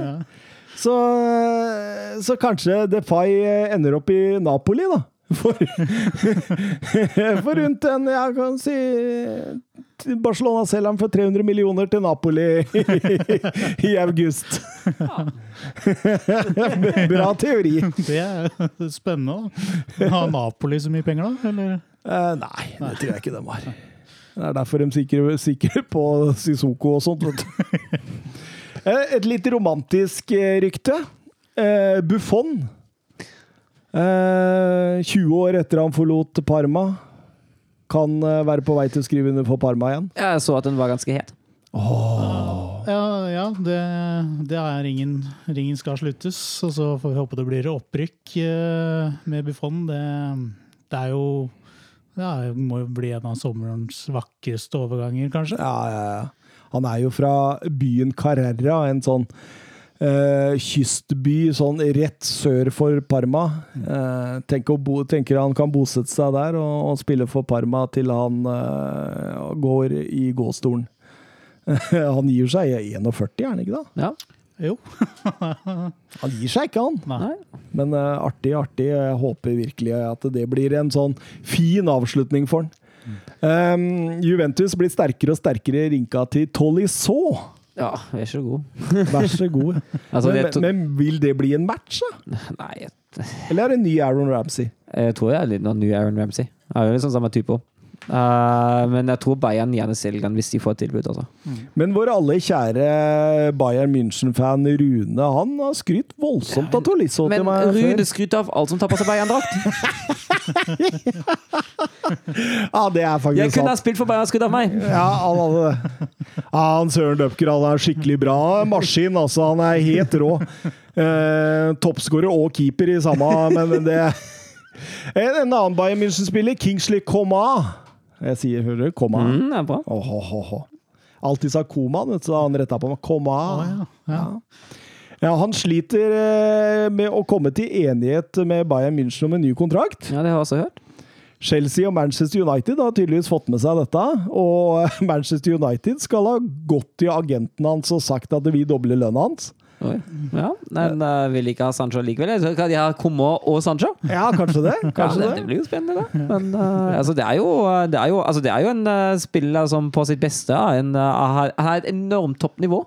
Ja, det er et sinnssykt på sitt beste. Ja, jeg må slite litt med å, å levere det konstant. Det er liksom det som er det største ankerpunktet med ham. Men det er, altså, jeg syns han har hatt en god sesong, og det er jo definitivt en spiller som kan avgjøre kamper på egen hånd. Ser ut som han har blitt kvitt disse skadene sine òg. Ja. Det, han, det, han ikke med omtrent legge opp her for et par sesonger siden? Det var, var ganske ille. Men eh, komme tilbake på fote, og da er vi fornøyde. Ja, ja. Um, også min kjære offensive venstreback Nuno Mendes, som spilte så bra i eh, Sporting, og som er med i Portugals landslagstropp som en backup for Guerrero. Han har trukket interesse fra Manchester City og Real Madrid. Men uh, uttalelse fra agent sier ikke forstyrr eh, Nuno under eh, EM. Uh, vi kan heller begynne å snakke etter EM. Ja, det er ikke helt dement, altså. Nei, altså jeg, jeg har jo lansert han til Inter før, da når jeg trodde at Inter fortsatt skulle satse litt. Og man kunne hatt en Hakimi og, og Nuno Mendes på hver sin wingback. Det, Det er mye ving og lite bekk. ja, det er mye wing og lite back. Men uh, Altså, Med tanke på utviklinga, hvis han hadde spilt under Pep Guardiola åh, Det hadde vært gøy. ja, vært Og så kan man kvitte seg heller med Sinchenko. Ja, for det er vel en, kanskje den posisjonen City egentlig, hvis de trenger å forsterke noe Ja. Men, men, er men, men, men jeg Ja. alltid, og det sa jeg når Tottenham kjøpte Dorothy òg Jeg er alltid skeptisk til de der wingbackene som er vant til å spille i 3-5-2, når de skal over i et firebacksystem. Mm. Fordi du får ikke samme typen. Nei, det, det er jeg jo enig i, men uh, altså det, det ene er jo sånn når, Særlig når jeg sitter da. Altså, er det én trener i verden som klarer å sette spor på det, da er det jo Guardiola. Og det andre er altså den backrollen i City. Det er jo ikke helt en ordinær backrolle i en firevektssystem. Nei. Det, er jo, det, er jo, det er jo noe litt annerledes der. Også i Real Madrid er de jo glad i å sende opp bekka sine. Ja, og da får man jo se. Altså, det blir jo sikkert en firebackslinje med Angelotti òg, da. Så ja. Det blir 4-4-2, det. Ja, det blir det. Eller 4-4-1-1 hvis han henter Hames tilbake. Hames kommer, Hames kommer! Er, det er jeg helt sikker på! Patson Daka, RB Salzburg-spissen, 22-åringen fra Zambia. Eh, han eh, hadde faktisk 27 mål og 7 assist på 28 kamper i østerriksk Bundesliga denne sesongen. En voldsom målskårer. Eh, det er Haaland-tall i Salzburg, det. Mm, ja, det. Eh, Leicester har tatt kontakt. Det samme, altså Det sies også at Tottenham, Liverpool og Chelsea følger med. Ja, Leipzig skal vel også Ja. følge med. Eh, etter det jeg har lest, uten at det er noe absolutt brennhett nå. Eh, men det er jo absolutt en spennende type. Bare 22 år, altså. Han, han dunker i mål, han der eh, karen der. Og veldig sånn der eksplosiv type. En spennende, spennende type for all del, altså. Um, Marcelo, vår kjære venstrebekk fra Real Madrid. Uh, vet du hvem som står og tar imot, vil ha lyst til å ta imot han, eller? Nei. Ja, Marcelo Bielsa. Det kunne jo faktisk ha fungert. Ja, det hadde vært kult! Det hadde vært gøy, ja. Ja, det hadde vært gøy. Syns du ser han oppe i Yorkshire der, eller? Krø krøllene våte hver dag. Hver dag så ser han ut som Puyol og ikke som Marcelo. Det hadde vært artig, ass. Men, eh, men eh, vil, Vil Marcelo trives i byen Leeds? Ja, det er det jeg er litt skeptisk til. Jeg, har- jeg har vært i byen Leeds, og, og det er en eh, skikkelig industriby. Eh, skikkelig sånn eh, engelsk, eh, litt grå perle. så, det, så det kan bli spennende å se om han hadde trives der. Altså, jeg kan ikke se det, men ryktet var morsomt, så jeg måtte ta det med. Ja. Men, altså, men altså, sånn rent fotballteknisk tror jeg faktisk det kunne til og med ha fungert. Altså. Ja, og romantisk, Ja, det- det romantiske eh, franske følelser av å tenke på Marcelo Bielsa og Marcelo eh, som et radarpar. Åh, åh, åh. Det er deilig, deilig. Eh, Super Sub Sivert han eh, skriver den, Denne kan du ta, Tor Kjetil. Ja. Mbappe til Liverpool. En liten sjanse? Uh, det har jo vært et rykte som har svirra lenge, men jeg, jeg klarer Altså, jeg sier ja takk. Men jeg klarer ikke å se for meg at overgangen skal skje heller. Men eh, skjer det, så, så skal, er det bare å stå med åpne armer og si velkommen. Jeg lurer på om det ryktet rett og slett har stått så lenge med tanke på spilletypen. For som spilletype passer han jo perfekt inn i det kloppske systemet. Men jeg er helt enig med deg. Jeg tror Men, Dessverre men, for men sa ikke Liverpool at eh, Werner var for dyr ja, sist sommer? Eh, jo, Men, men det, det skal jo sies at Werner var for dyr, fordi da visste man ikke om man skulle ta førsteplassen. Altså, De ville ikke ta, betale så mye for en eventuell backup. Ja, så er det alt med respekt for Werner, men Mbappe er jo en- et par klasser Du kan, du kan dra på en eh, milliard på, Ja. på banen. Men, men eh, åssen ville du satt opp Liverpool-angrepet da med Mbappe inne? Um, det um, Det er et godt uh, spørsmål. Jeg tenkte før forrige sesong at Sala var litt sånn ferdig, på en måte. Ja, det var han jo ikke. Men det er han jo ikke.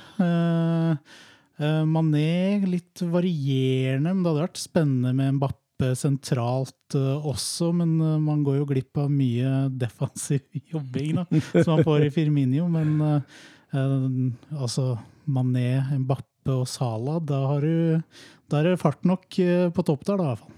Hørte du han var på Firminio igjen? Han, han, han, han, har, ikke, han har ikke lært det! Nei, Men hørte du vi fikk kjeft etterpå for måten vi sa Wardy? Ja, det syns jeg var på sin plass. Ja, Ja, Altså, jeg, har aldri Det er bare dere som retter på meg, så ja. Men nei, den sitter Men langt rett skal være rett, vet du. Firmino sitter langt inne. ja den, den, den, den gjør det. den er, Jeg, kjenner, jeg, jeg, jeg kan tenke meg også at det tar litt tid før jeg lærer meg Vardi. Ja. Jeg tok eh, den Wolfsburg, tidligere Wolfsburg portugiseren het Vieirinha. Og det tok lang tid før jeg skjønte at det var en i før og etter én. Ja. Ja, ja. Men uh, ja. Men, men så lenge man veit hvem vi snakker om ja, det er det viktigste. ja, det, det Ja. er sant. Men uh, det er jo greit å ikke legge til ekstra bokstaver i navnet, og det, jeg ser den. Eh, Arsenal eh, skal visstnok eh, ha blitt usikre på William Saliba og var et godt kjøp. Eh, Newcastle kan godt hende at de tar over han, og at Arsenal ønsker å erstatte han med Ben White fra Brighton. Men Brighton sier det at eh, du, vi skal i hvert fall ha 50 millioner pund. Og det er dyrt. Ja, det betaler ikke Arsenal. Eller trolig ikke. Men, men, men, men Ben White Ja, det hadde jo vært veldig bra. Strålende fotballspiller. Altså, jeg husker han var på utlån i Leeds. Jeg så et par Leeds-kamper i Championship. Jeg, bare, jeg sa vel i denne poden liksom, at det er en spiller å hente, altså. Mm. Ja, jeg ser for meg at han, hvis med en god sesong i Brighton, eller halvsesong i Brighton, fort kan bli solgt i neste, neste vindu.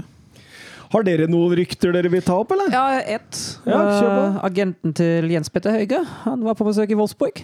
Oi! Han uh, posta på Instagram med, med tittel 'Visiting Clubs', og Jens Petter Høige har likt bildet.